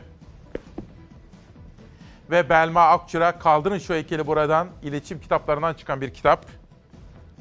Ve Rüyalar, Aşk ve Hüzün, Cesur ve Kararlı Bir Kadının Hikayesi Zerrin Dağcı. Şimdi bir çocuğumuz var. Çocuğumuzu izleyelim. Dönüşte ben size küçücük bir şiir, Gülten Akın böyle içimden geldi. Bu hafta biraz şiir okumak istiyorum sizlere. Çünkü bu duygu durumumuz değişsin. Şu çocuğu bir izleyelim mi? Koronaya çocuk gözlüğüyle bakınca. Sayın seyirciler, size haberlerim var. Dışarıda korona var, öbür çocuklar çıkıyor. Ben hiç çıkamıyorum. Çıkmıyorum. Annem beni çıkartmıyor. Ama öbür çocuklar çıkıyor, ben çıkmıyorum. Onlar hasta oluyorlar. Hiç kimse çıkmaması lazım. Herkes evde kalması lazım. Koronavirüsten dolayı. Bu koronavirüs ellerinizi yıkamamanız yüzünden oldu. Hayır, mikroplar dağıldı. Bol bol meyve yemeniz lazım. Bol bol su içmeniz lazım. Bir de bol bol süt içmeniz lazım büyüme büyük olmanız için. Hadi. Sizi çok seviyorum. Çok tatlı. Şenaz Kartal ne yapıyor evde? Sıkılıyormuş. Kartal da tabii kıpır kıpır bir çocuk. Bu hafta Gülten Akın şiirleri. Dönüşte Profesör Doktor Kayan Pala hocamla 65 yaş üstündekiler. Ne yapacağız onları? Koruyoruz ama peki daha sonra dışarı çıktıklarında ne yapacaklar? Bütün bunları da hocamla konuşmak istiyorum. Bizden ayrılmayın. Gülten Akın diyor ki, bir büyük oyun. Yaşamak dediğin bir büyük oyun. Beni ya sevmeli ya da ya sevmeli ya da öldürmeli. Yeni bir gün, yeni bir sabah, yeni bir hafta. İsmail Küçükkaya ile sağlıklı günlere yolculukta Demokrasi Meydanı'nda. Günün adını beraber koyuyoruz. 4 Mayıs 2020 günlerden pazartesi İsmail Küçükkaya ile Mavi Bir Geleceğe Yolculuk. Konuğumuz Profesör Doktor Kayahan Pala. Hocam O kadar çok soru birikti ki bir kere bizim davetimizi icabet ettiğiniz için, programımıza katıldığınız, katkı verdiğiniz için ne kadar teşekkür etsem azdır. Yıldız Can Hanım gibi iyi ki çok kaliteli, sadece bilime bakarak sakin, anlaşılır konuşan bilim insanlarımız var diyorlar. Çok sayıda soru geldi. Ama izin verirseniz şu 65 yaş üstü büyüklerimizle ilgili haberi izleyelim. Sonra sizin yorumunuzu alalım. Kaç gün oldu çıkmayalı? Valla ben Mart'ın 9'unda torunlardaydım. Mart'ın 10'undan beri ben evdeyim. Kaç yaşındasınız? 67 yaşındayım. Peki kaç gündür evdesiniz? Başladığı günden beri evdeyiz. Mart'tan beri hep içerideyim. 57 gündür işe gidemiyor. Çıkamıyoruz dışarı bırak işi. İşte Dışarı çıkamıyoruz. Biz bu şikayetleri tabii ki alıyoruz. Cumhurbaşkanımız da e, bunları dinliyor. Ve şöyle bir e, talimatı oldu Sayın Cumhurbaşkanımızın. Bilim Kurulu'nun bu konudaki değerlendirmesini aldıktan sonra kabine toplantısında pazartesi günü gene bu konuyu değerlendirelim. 21 Mart gecesinden bu yana sokağa çıkma yasağı uygulanan 65 yaş üstü vatandaşların beklediği haber Cumhurbaşkanlığı Sözcüsü İbrahim Kalın'dan geldi. Kalın, pazartesi bilim kurulu toplantısının ardından güzel haberler gelebilir dedi. Uzmanlara göre de 65 yaş üstündekilerin artık nefes alması gerek. Biraz herkesin sabrı zorlandı gerçekten. Başlangıçta büyük bir gayret ve e, sabırla en çok da gerçekten 65 yaş üstü grup sabır gösterdi. Yani sabrı besleyecek küçük e, havalanmalara, küçük mutluluklara ihtiyaç var gerçekten de. Mesela beni serbest bıraktılar. Sahil bana iki adım. E Ben maskemi takarım. Şöyle bir saat yürüdüm mü yeterli bana zaten. Koronavirüs salgınında en büyük risk grubunda olanlar 65 yaş üstündekiler. İlk sokağa çıkma yasağı da onlara geldi. Ancak süre uzadıkça yasağın olumsuz etkileri de doğmaya başladı. Demans hastaları, ailesinden uzak ve yalnız yaşayanlar ya da rahatsızlıkları gereği doktorları tarafından egzersiz yürüyüş tavsiye edilenler. Yasakta hafifletme bekliyorlar. Şimdi evde olunca dize vuruyor, şuraya vuruyor. Başka bir rahatsızlığımız yok yani. Evin içinde turlayabiliyor musunuz? E vallahi tırladık ya artık turlayamıyoruz da tırladık yani. E, kapının önüne zaten bir iniyoruz zaten tam buraya mecbur. Her gün bir saat evin içinde mutfa evim 64 metrekare ama mutfakla salon arasında bir saat yürüyorum. Benim dairem böyle uzun. Ben şu an yürüyüş yapıyordum. Cep telefonum kaydediyor. Yani 3-5 bin adım şey yapabiliyorum. Evet anlıyoruz. Ee, yüksek risk grubunda yaşlılar. Onları daha çok korumak gerekiyor. Ee, ama e, işte bir buçuk ayı devirdik. Mutlaka e, ara çözümler, e, esnemeler gerekiyor. Ama bu esnemenin uygulanabilir olması için de herkesin bu karantinada niçin e, sebat etmemiz gerekiyor bilgisinden, duygusundan çıkmaması gerekiyor. Çünkü torunlarımı çok özledim. Onları görmek için bayramda mecburen durmak zorundayım. E, hem derneğe gelen hem e, bir hekim olarak bana gelen başvurularda işte önümüz bayram, önümüz yaz, memlekete gitmek, yazlığa gitmek, işte şehirler arası yolculuk vesaire gibi talepler de artmaya başladı. 65 artı Yaşlı Hakları Derneği Başkanı Doktor Gülüstü Salur, yasağa esneklik getirilmesi yönündeki taleplerin arttığını söyledi. Cumhurbaşkanlığı Sözcüsü İbrahim Kalın da daha önce bilim kurulunda gündeme gelen konunun pazartesi yeniden değerlendirileceğini açıkladı. Belli gün ve saatlerde dışarıya çıkmasının sağlanması şeklinde. Pazartesi günü Cumhurbaşkanımızın bu konuda da bazı güzel haberleri olabilir. Bu da bir Nazlı yere basmaz haberiydi. Çok ince işçilik yapmış ve Kayahan Pala hocamıza soralım. Hocam şimdi bugün Bakanlar Kurulu da toplanacak ve Cumhurbaşkanlığı hükümet sisteminde bugün Cumhurbaşkanı Erdoğan ki aynı zamanda AK Parti'nin de lideridir bir açıklama yapacak bu konularda. Siz bilimsel bakış açısıyla baktığınız zaman bu konuda 65 yaş üstü konusunda ne diyorsunuz? İsmail Bey önce şunu söyleyeyim. Benim annem babam ve kayınvalidemle aynı şehirde yaşıyoruz. İki buçuk aydır yüzlerini görmedim. Ancak telefonla konuşabiliyoruz. Bu yakınmalar bence çok haklı yakınmalar. Bir yandan 65 yaşın üstündeki yurttaşlarımızı risk grubunda olduğu için korumaya çalışırken öte yandan da çok uzun süredir evde kapanmak zorunda kaldıklarından onların beden ve ruh sağlığı sorunlarını göz ardı edemeyiz. Dolayısıyla daha önümüzde de epey bir zaman var. İlk oturumda konuşmuştuk. Bu süreci daha iyi yönetebilmek için ben de hem 65 yaşın üstündeki yurttaşlarımızın hem de 20 yaş altındaki genç ve çocuklarımızın belli aralıklarla dışarıya çıkabilecekleri, güneşlenebilecekleri, derin bir rahat nefes alabilecekleri, biraz yürüyebilecekleri bir düzenleme yapılması gerektiğini düşünüyorum. Ancak bu düzenlemeyi bütün yurtta aynı olacak şekilde düşünmeyebiliriz. Sağlık Bakanlığı'nın elindeki ayrıntılı verilere bakarak bazı yerlerde daha ciddi problem varsa ona göre farklı bir düzenleme, bazı yerlerde problem yani hastalığın yaygınlığı açısından ciddi bir azalma varsa ona göre bir düzenleme yapılması beklenebilir. Ama ben de artık 65 yaş üstü yurttaşların hiç olmazsa günde 1-2 saat bir rahat nefes alabilecekleri, bir yürüyüş yapabilecekleri bir zaman diliminin doğru düzgün bir planlama ve programlamayla yapılması gerektiğini düşünüyorum. Hocam gerçekten bak yani içtenlikle şunu söyleyeyim. Ben ömrümde annemi bu kadar uzun süre görmediğim olmadı. Yani ge- kelimenin gerçek manasıyla özledik. Yani ama onların da sağlığı için bunu yapmamız gerekiyor. Şimdi hocam sorular var. Pınar Sayıp Tabip Odası Başkanı İstanbul diyor ki İsmail Bey, Profesör Doktor Murat Dilmener'i Covid-19 sebebiyle kaybetmenin derin üzüntüsü içindeyiz. Hocamıza saygımızı sunmak üzere 4 Mayıs Pazartesi 12.30'da İTF önünde fiziksel mesafeyi koruyarak yapacağımız bir dakikalık saygı duruşunu Türkiye'mize duyuralım diyor hocam. Mesela bakın değil mi? Biz de çok üzgünüz gerçekten. Ee, Pınar Hocam'ın e, söylediği çok doğru, çok üzgün olduğumuz, çok değerli bir bilim insanını yitirdik bu hastalık nedeniyle. Ben de bu üzüntüyü paylaşıyorum. Rahmet diliyoruz. Bir başkası İzmir'den, İzmir Tabip Odası'ndan Doktor Ergun Demir, İsmail Bey lütfen hocamıza sorar mısınız? Covid-19 salgın nedeniyle yüksek risk grubunda bulunan, yer alan kanser hastaları, kalp damar hastaları, diyabet, böbrek yeter, yetmezliği, akciğer hastalıkları gibi kronik hastalığı olan hastalar. Bu konularda kamuoyu oluşması lazım. Bizim çok izlenen bir program olduğumuz için bu konuyu gündeme getirmenizi halk sağlığı açısından önemli sayıyorum diyor. Ne dersiniz?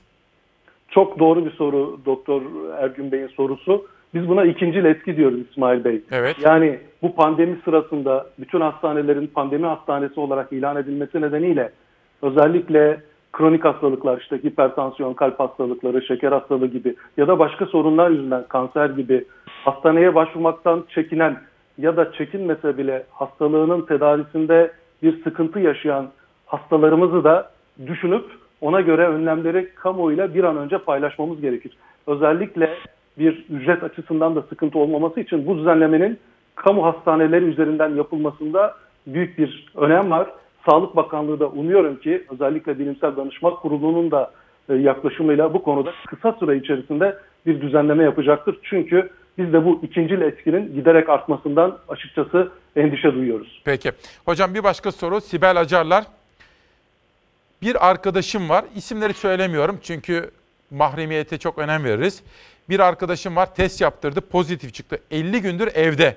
Arkadaşımda hiçbir semptom yani belirti yok. Bulaştırıcı olmaya devam eder mi? Yoksa bunun bir tedavisi var mı? Tedaviye gerek var mı hocamıza sorar mısınız?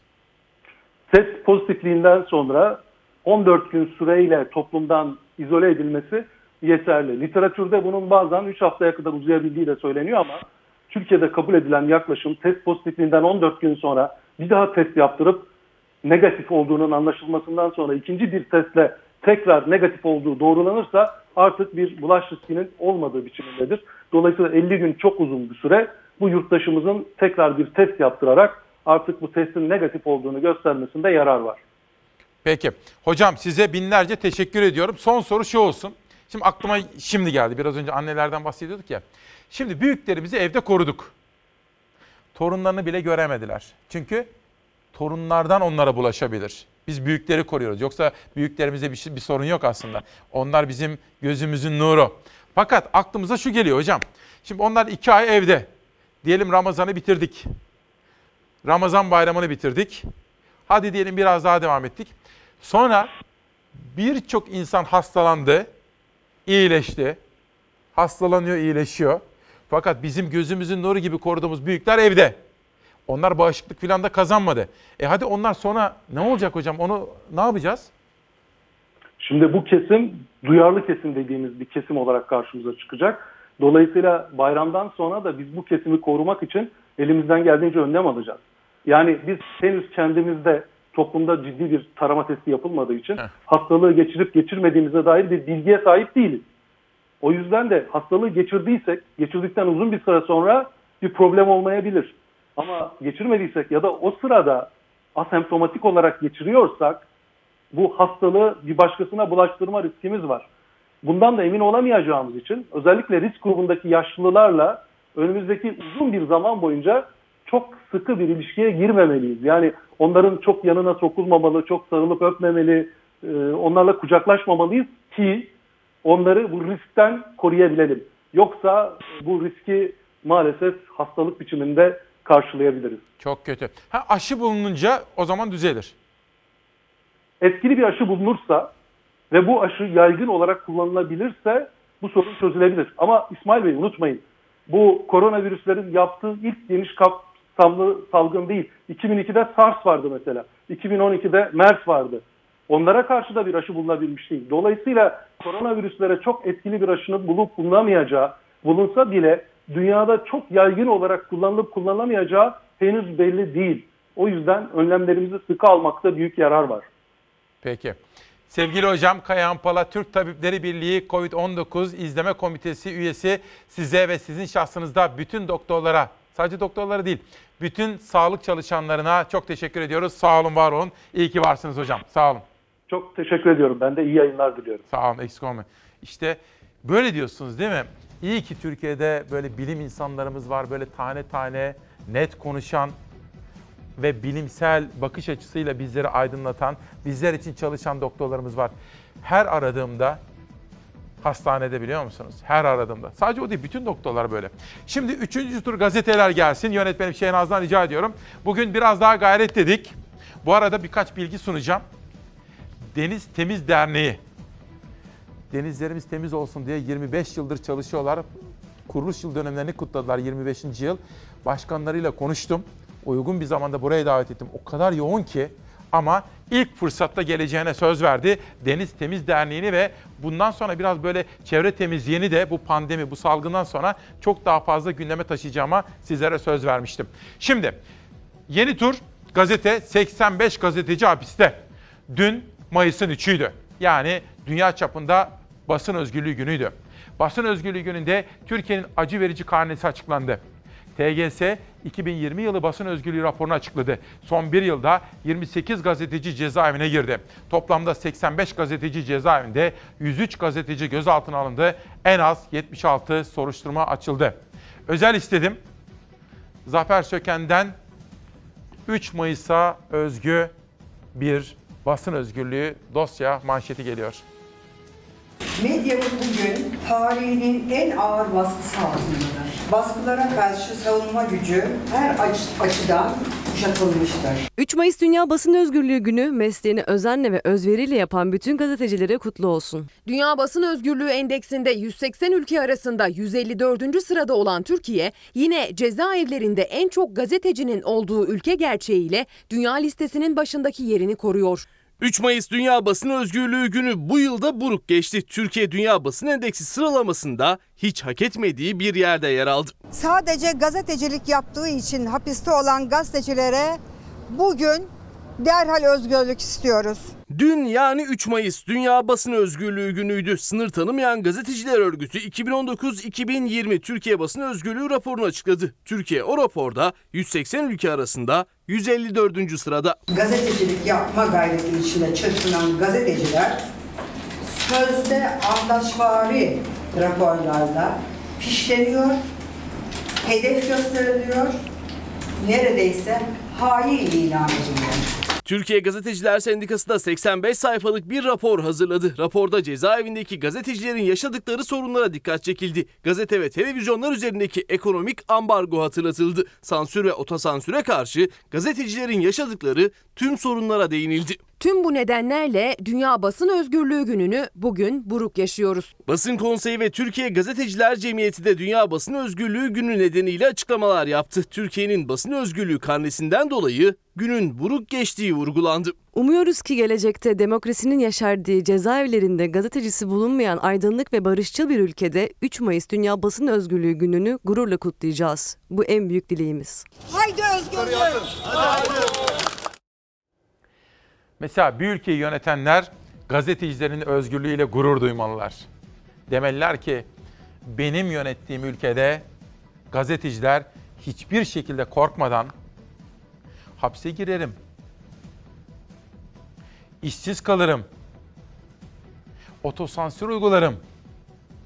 Bütün bunları düşünmeden benim yönettiğim ülkede gazeteciler özgürlüklerini, insan olmaktan kaynaklanan haklarını, Türkiye Cumhuriyeti vatandaşı olmaktan kaynaklanan ve anayasa tarafından teminat altına alınan haklarını kullanmaktan hiç çekinmezler. Benim ülkemde gazeteciler hükümetleri eleştirebilirler. Ben akıllı bir siyasetçi olarak eleştirilerden ders çıkarırım. Bir yönetici böyle düşünebilmeli, ülkesiyle gurur duymalı. Ama Türkiye'de tutuklu gazeteciler var. Bugün 7 ayrı yazardan alıntılar yapacağımı söylemiştim. Onlardan biri Barış Terkoğlu. Korona geçerken soylu değiştirilmez. Uzun bir yazı. Tabi yazının içerisinde Süleyman Soylu'yu istifaya götüren süreç. Sayın Erdoğan'ın Sayın Soylu'nun istifasını kabul etmemesinin arkasındaki dinamikler. Soylu'yla başka bakanlar arasındaki kavgalar, tartışmalar ve Soylu'nun AK Parti'yi oluşturan o koalisyon içindeki gücü, özgürlüğü, daha doğrusu o gücünü aldığı dinamikler. Çok ilgi çekici bir analiz okudum. Bu sabah kısaca böyle özetlemeye gayret edeyim. Tabii yazının tamamını anlatamam. İnternete girenler bedava okuyabilirler. Bütün gazetelerden olduğu gibi. Kerem Kurçuval'dan bir haber daha. Pardon bir dakika bir küçültür müsünüz? Dikkatimi çekti. Kerem Kurçuvar millet bölünmüyor, yaşamaya çalışıyor diyor. Kerem de bizim Ankara'dan tanıdığımız bir gazeteci. Tabii çok çok sıkı bir Beşiktaşlıdır. Dikkatimi çekti de. Hemen geçelim Kılıçdaroğlu'na. Pardon Şehnaz, akışınızı bozdum biraz ama. Kılıçdaroğlu'ndan öğrenciye gazeteci olduğunuzda biz iktidar olacağız diyor.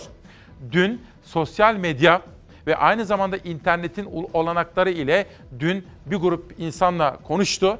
Orada da basın özgürlüğü, ekonomi, üniversiteyi okuyan çocuklarımız ve onların geleceği konusunda karşılıklı sohbet vardı. Bir sonraki manşete de geçelim. Eskiden AK Parti'nin içerisinde yer alan, şimdi kendileri ayrı ayrı siyasi oluşumlar kuran bir tanesi Gelecek Partisi lideri Davutoğlu, biri de Deva Partisi lideri Babacan. Her ikisi de basın özgürlüğü konusunda iktidarın uygulamalarını net bir şekilde eleştirdiler ve korkacak bir şeyi olmayanlar basını baskı altına almazlar dediler. Özellikle Babacan'ın demokrasi adına basının içinde bulunduğu durum konusundaki sözleri çok konuşulurdu. Şimdi ana muhalefet partisi lideri Kılıçdaroğlu'nu dünkü uzaktan sohbetiyle manşet seçip aktarıyorum sizlere. Gazeteci olacaksın. Evet. Yani eğer iş bulabilirsem... Birinci e, şey e, iş kaygısı değil mi? Korona günlerinde eğitim sisteminde yaşanan zorluklar, ileriye dönük iş kaygısı. Öğrencilerle dertleşen CHP lideri Kılıçdaroğlu, basın özgürlüğü gününde gazeteci olmak istediğini söyleyen bir öğrenciye yanıt verirken iktidara da gönderme yaptı. Umarım me- sağlıkla mezun olursun. Gazeteci olduğunuzda iktidar olacağız. Daha özgür bir ortamda haber yapma imkanınız olacak. Bugün çok sayıda gazeteci hapiste haber yaptıkları için. Haber yaptı diye bir insan hapse mi atılır? Yapılan haberin doğru olduğunu herkes biliyor. Üstelik haber yalanlanmıyor. CHP lideri Kılıçdaroğlu farklı il ve üniversitede öğrenim gören 16 üniversite öğrencisiyle video konferans yaptı. Koronavirüs nedeniyle öğrenciler uzaktan eğitimdeler. Dersler internet üzerinden. Öğrenciler sistemin getirdiği sıkıntıları anlattı. Mühendislik bölümünde uygulamanın önemi çok büyük. Online eğitimden en büyük zararı gören bölümlerden biri biz olduk. Çünkü bizim derslerimizin %90'ı uygulamalı. İnternet erişimi olmayan arkadaşlarımız bu konuda mağdurlar. Ee, ve canlı ders sistemine giriş yapmakta büyük zorluklar çekiyoruz.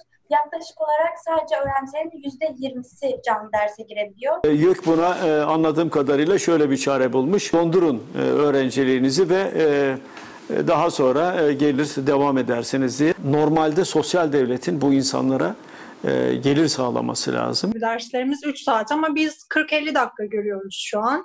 E o 40-50 dakikanın ilk 10 dakikasında nasılsınız, iyi misiniz, sesim geliyor mu, görüntüm var mı? E son 10 dakikası da görüşmek üzere kendinize iyi bakın diye geçiyor. Ve bizim almış olduğumuz fayda şu an sıfır aslında. Uygulamalı derslerin yapılamaması, bazı öğrencilerin maddi imkansızlıkları ve kırsalda yaşanan internet sıkıntıları. Öğrenciler anlattı. Kılıçdaroğlu hem dinledi hem de not aldı. İstihdam konusunda uyarıları da vardı. Türkiye'nin bir gerçeğiyle yüz yüze kalacaksınız. Örneğin üniversiteyi bitirdiniz, iş arayacaksınız.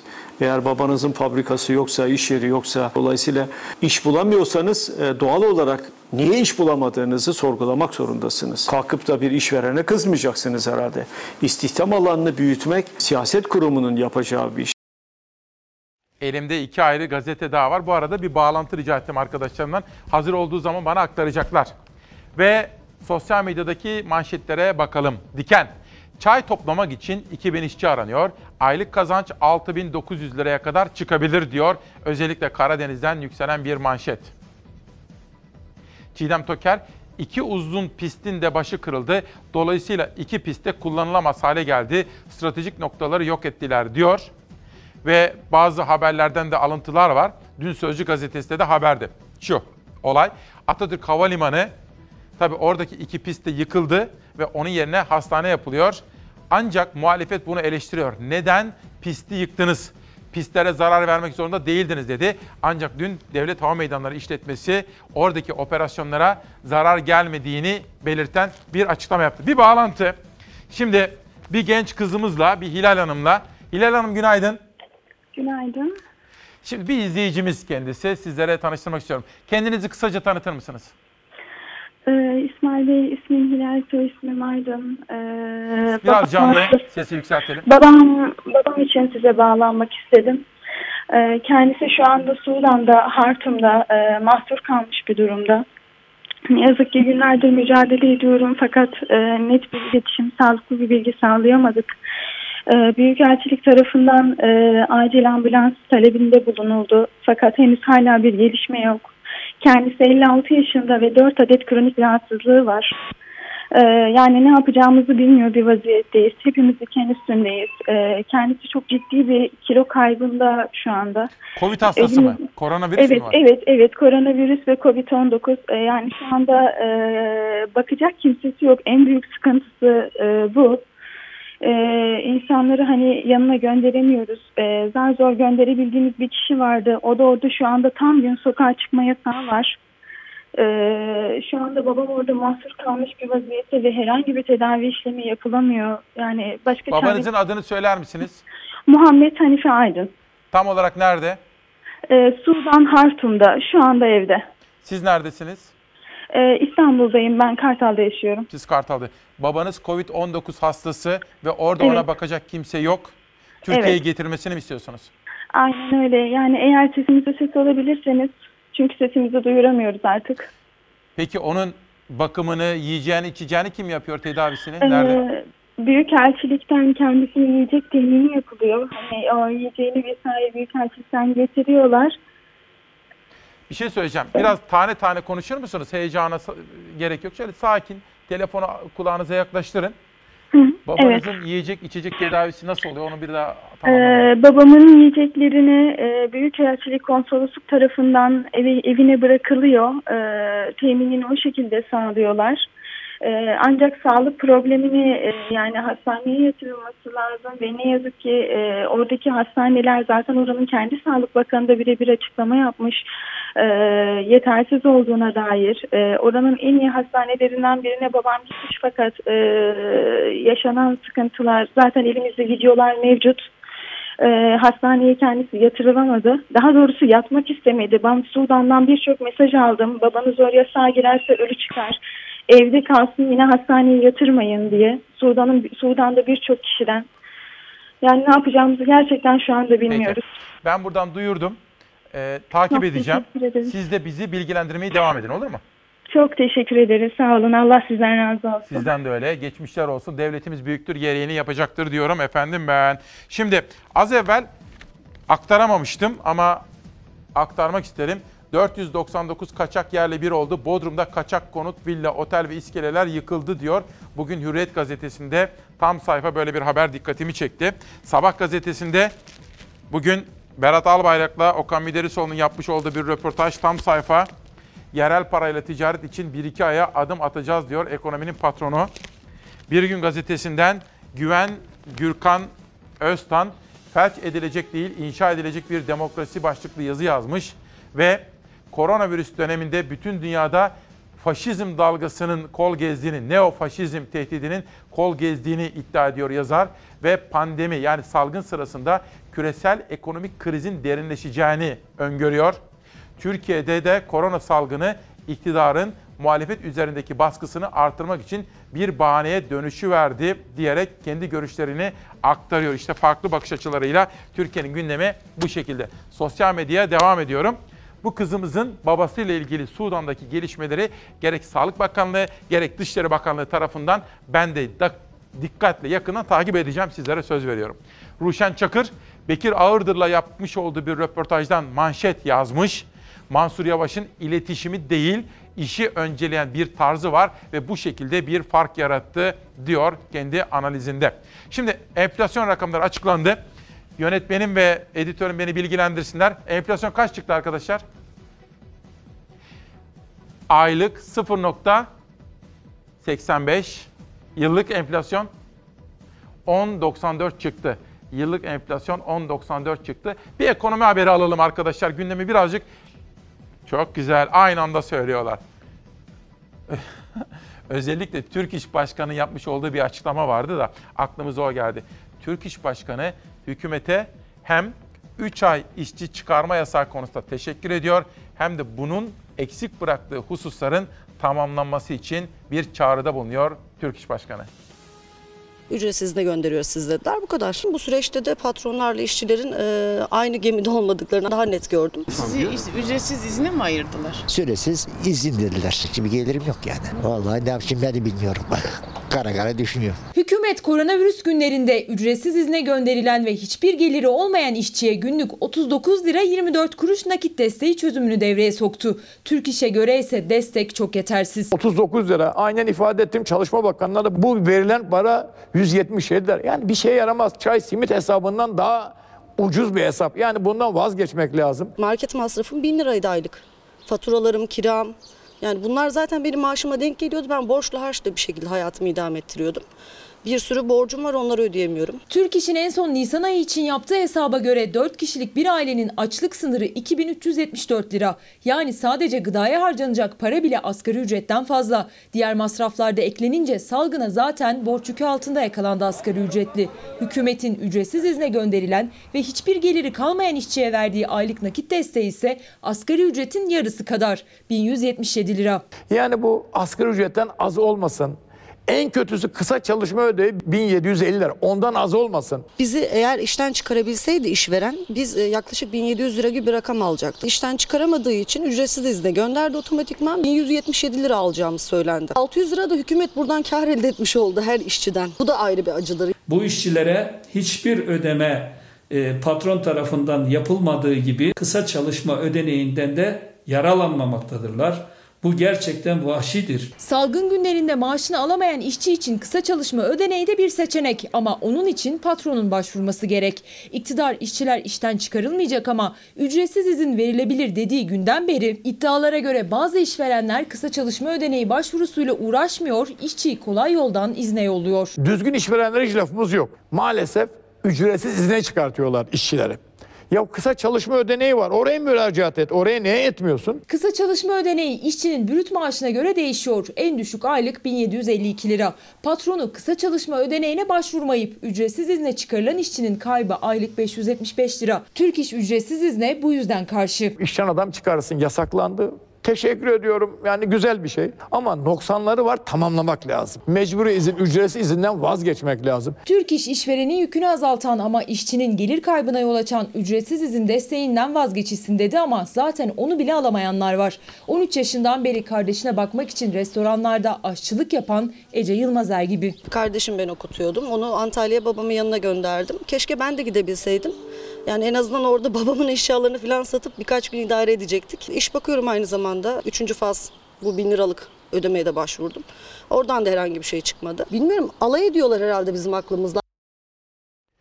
Esnafa ilişkin Akşener'den bir haber seçtim. Bir de Eyüp Kavak var bizim bir arkadaşımız, bir esnaf. O da dedi ki sesimizi bir tek sen duyurabilirsin. Esnafın sesini siz duyuruyorsunuz dedi. Ona ilişkin bir haber var. İstedim ben de. Ama hani evdeyiz ya efendim bakın. Bugün Yazgül'ü Aldoğan'dan benim ilgimi çeken evde okuyacağım bunu. Ayırdım manşetlerine baktım şöyle evde kal ama sanatsız kalma.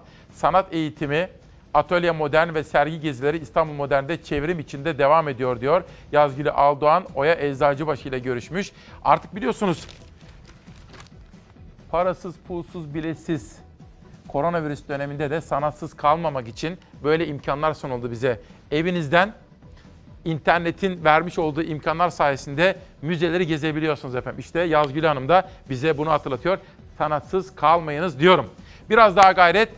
Meral Akşener, kepenk kapatmış esnafımızın istihdamlarını garanti altına alabilmek, yarınlarını kurtarabilmek için çalışan, başına devletin, çalışan başına devletin 10 bin lira destek vermesini ve bunun bir yılının da geri ödemesiz olmasını öneriyoruz dedi.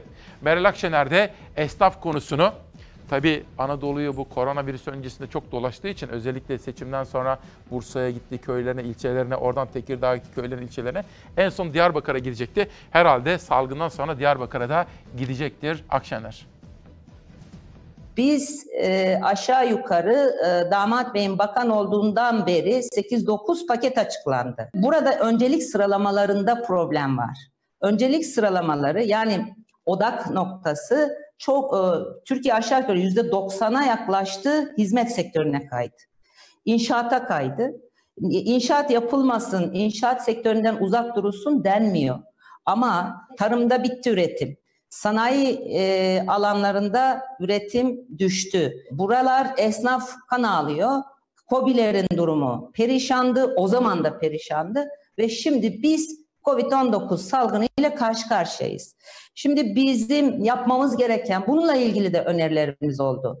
Mesela şu mutlaka yapılmalı. Yarını kurtarmak için. Şimdi bu kepek kapattırılmış esnafların istihdamlarını e, garanti altına tutabilmek için, çalışanları işten atılmak mecburiyetine bırakmamak için bu sanayide de yapılabilir ama hemehal öncelikli iş çalışan başına devlet, hükümet 10 bin lira para vermelidir. Bunun bir yılı ödemesiz olmalıdır. Faizi 10 milyar TL tutuyor Türkiye için.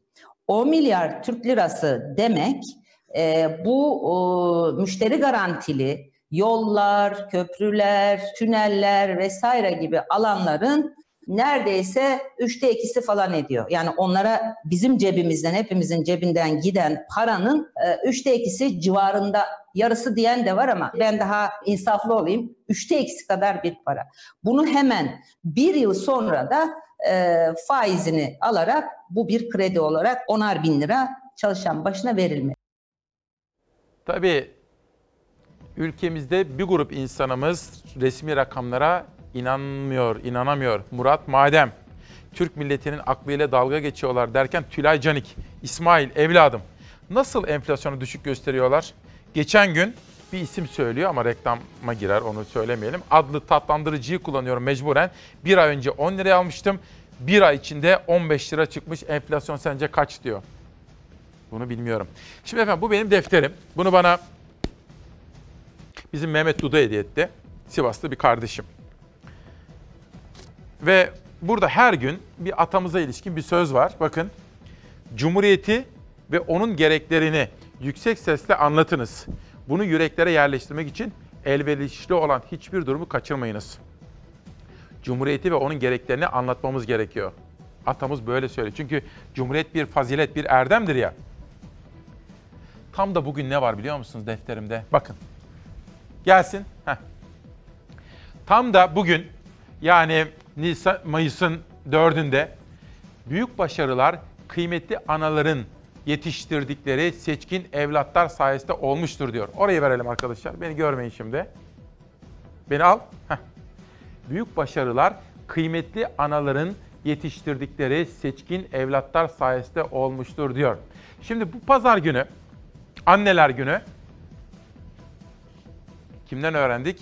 Babalarımızdan. Ben de bu vesileyle rahmetli olmuş kıymetli babamı gani gani Allah rahmet eylesin, eylesin diyerek burada saygıyla anıyorum Yunus Küçükkaya'yı.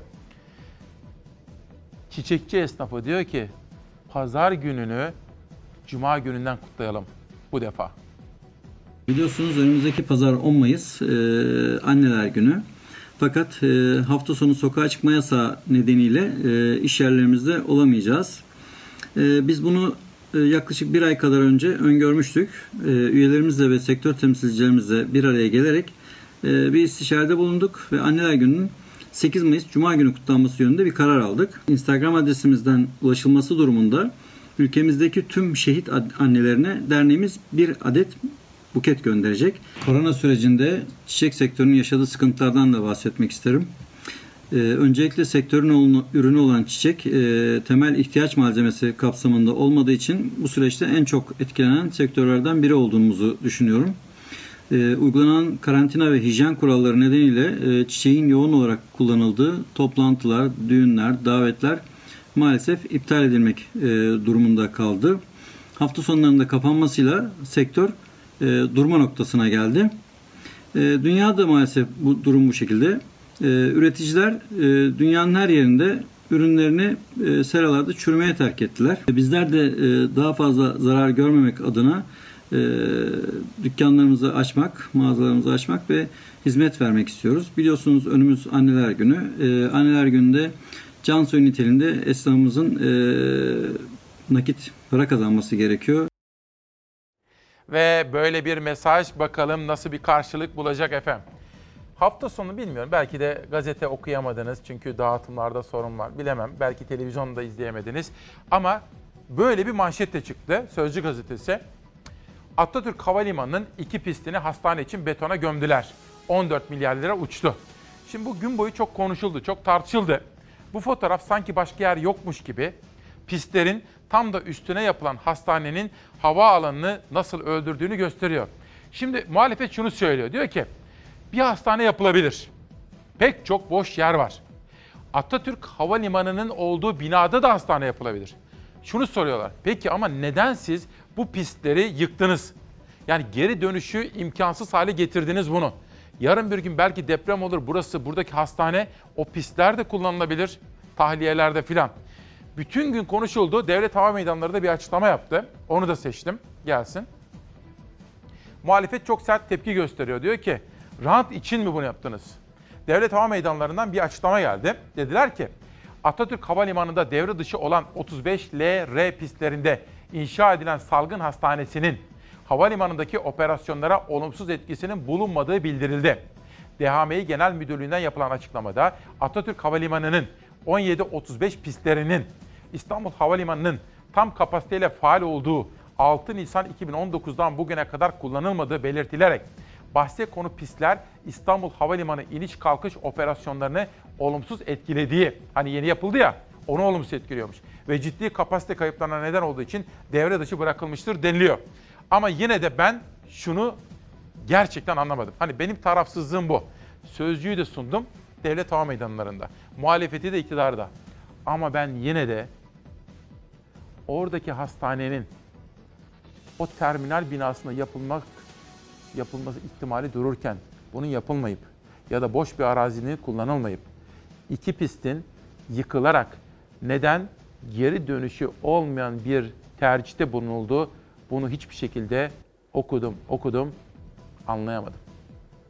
45 gün içerisinde buraları bitireceğiz. Yoğun bir çalışmayla Yeşilköy Atatürk Havalimanı'nın alanını Cumhurbaşkanı Erdoğan salgın için iki noktada yapılan hastanelerin son durumunu sosyal medya hesabından bu kliple ve kendi sesiyle paylaştı. Muhalefetten maliyet sesleri yükselmeye devam ederken ilk kazmanın vurulduğu 8 Nisan'dan bu yana 25 gün geçti ve biner yataklı hastanelerin kaba inşaatının büyük bir kısmı bitirildi. Yeşilköy Atatürk Havalimanı'nın alanını ki bin hastanelik orada şu anda bir plan proje çalışması hızla devam ediyor. Atatürk Havalimanı'nın binası.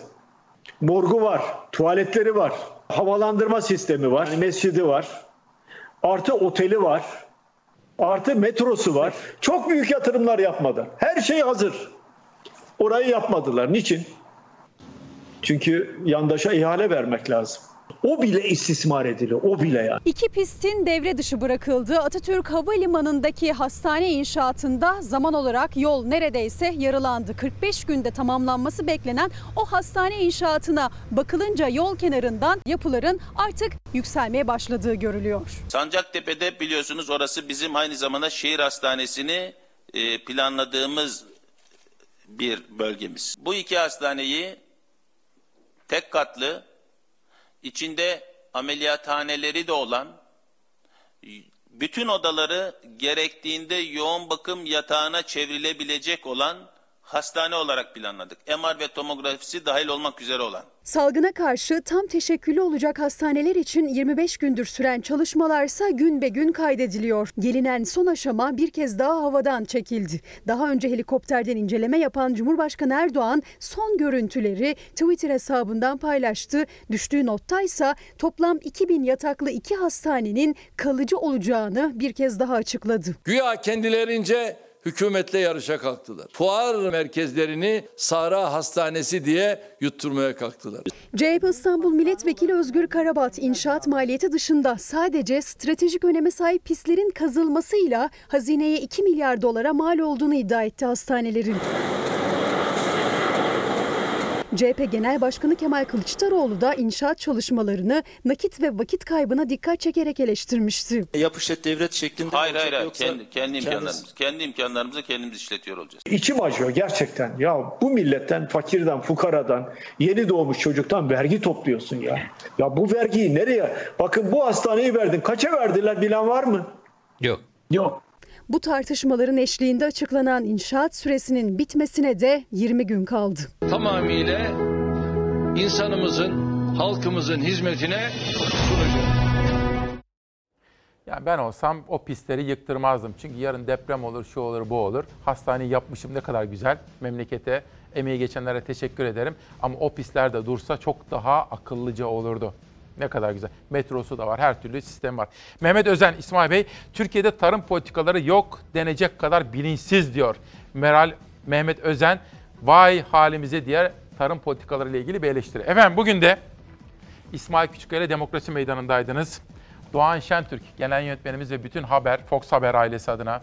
Bugün Şehnaz, Şehnaz Ersoy benimle birlikte baştan sona yönetmen koltuğunda. Ve Zeray Kınacı, hemen onun karşısında Ezgi Gözeger, Beyza Gözeyik, Zafer Söken, Savaş Yıldız'la yerel gazeteleri seçtik. Ve Tuğba kardeşimle çizdik. Nihal Kemaloğlu bana hem dün gündemi belirlerken hem de bugün yayın sırasında yardımları oldu. Ona da çok teşekkür ediyorum. Emeği geçen bütün ekip arkadaşlarım, işte orada Mümin kardeşim var. Eskişehirli artık biliyorsunuz. Orada İsmail kardeşim var, o da Erzincanlı. Rejideki fedakar arkadaşlarım. Neden söylüyorum? Korona zamanında da biz her türlü tedbir alarak sizlerle buluşuyoruz. Bu arada biraz önceki haberi gurur abideleri hızla bitiyor. Sabah gazetesi birinci sayfadan bu şekilde görmüş. Onu da sizlere aktarmak istedim. İki kitap tanıtımı. Yaşam Sevinci Profesör Doktor Çiğdem Özesmi ve Daimi Sezer'den Dağ Gelinciği.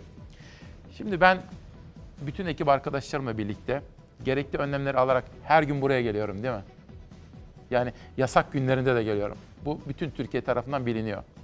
Bunun dışında da ben bir gazeteci olduğum için dışarıya çıkabiliyorum değil mi?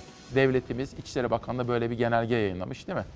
Gazeteciler görev yapıyorlar çünkü dışarı çıkabilirler.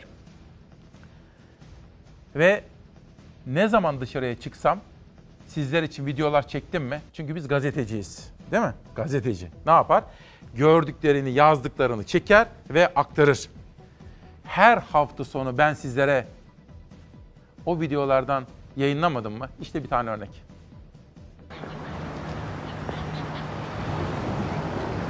Biraz önce düşünmüştüm. Bunlar şimdi ne yiyecekler diye. Bakın ince düşünceli bir arkadaş gördüm. Kuşları düşünmüş.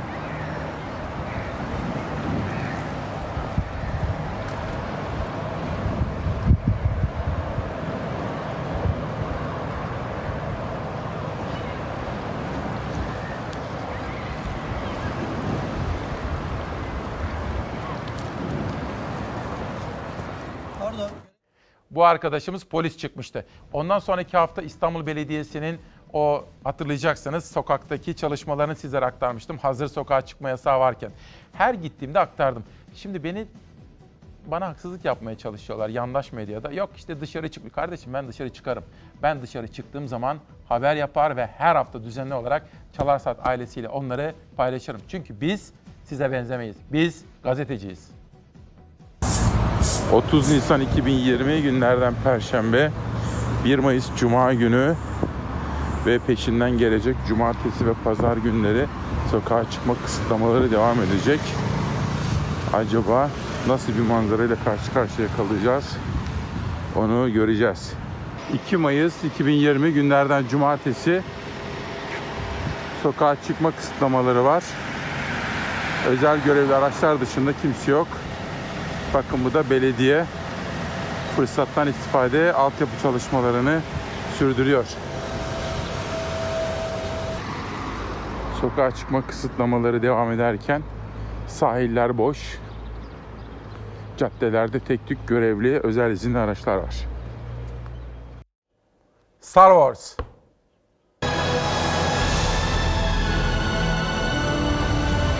Filmi gösterime girdiği günden bu yana dünya çapında hayran kitlesi katlanarak arttı. Star Wars yani Yıldız Savaşları 7'den 70'e herkesi büyüledi.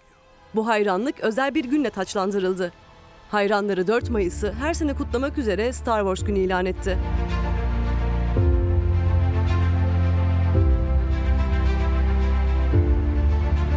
Serinin yaratıcısı George Lucas tarafından 1977 yılında gösterime girdiğinden beri fırtınalar estirdi.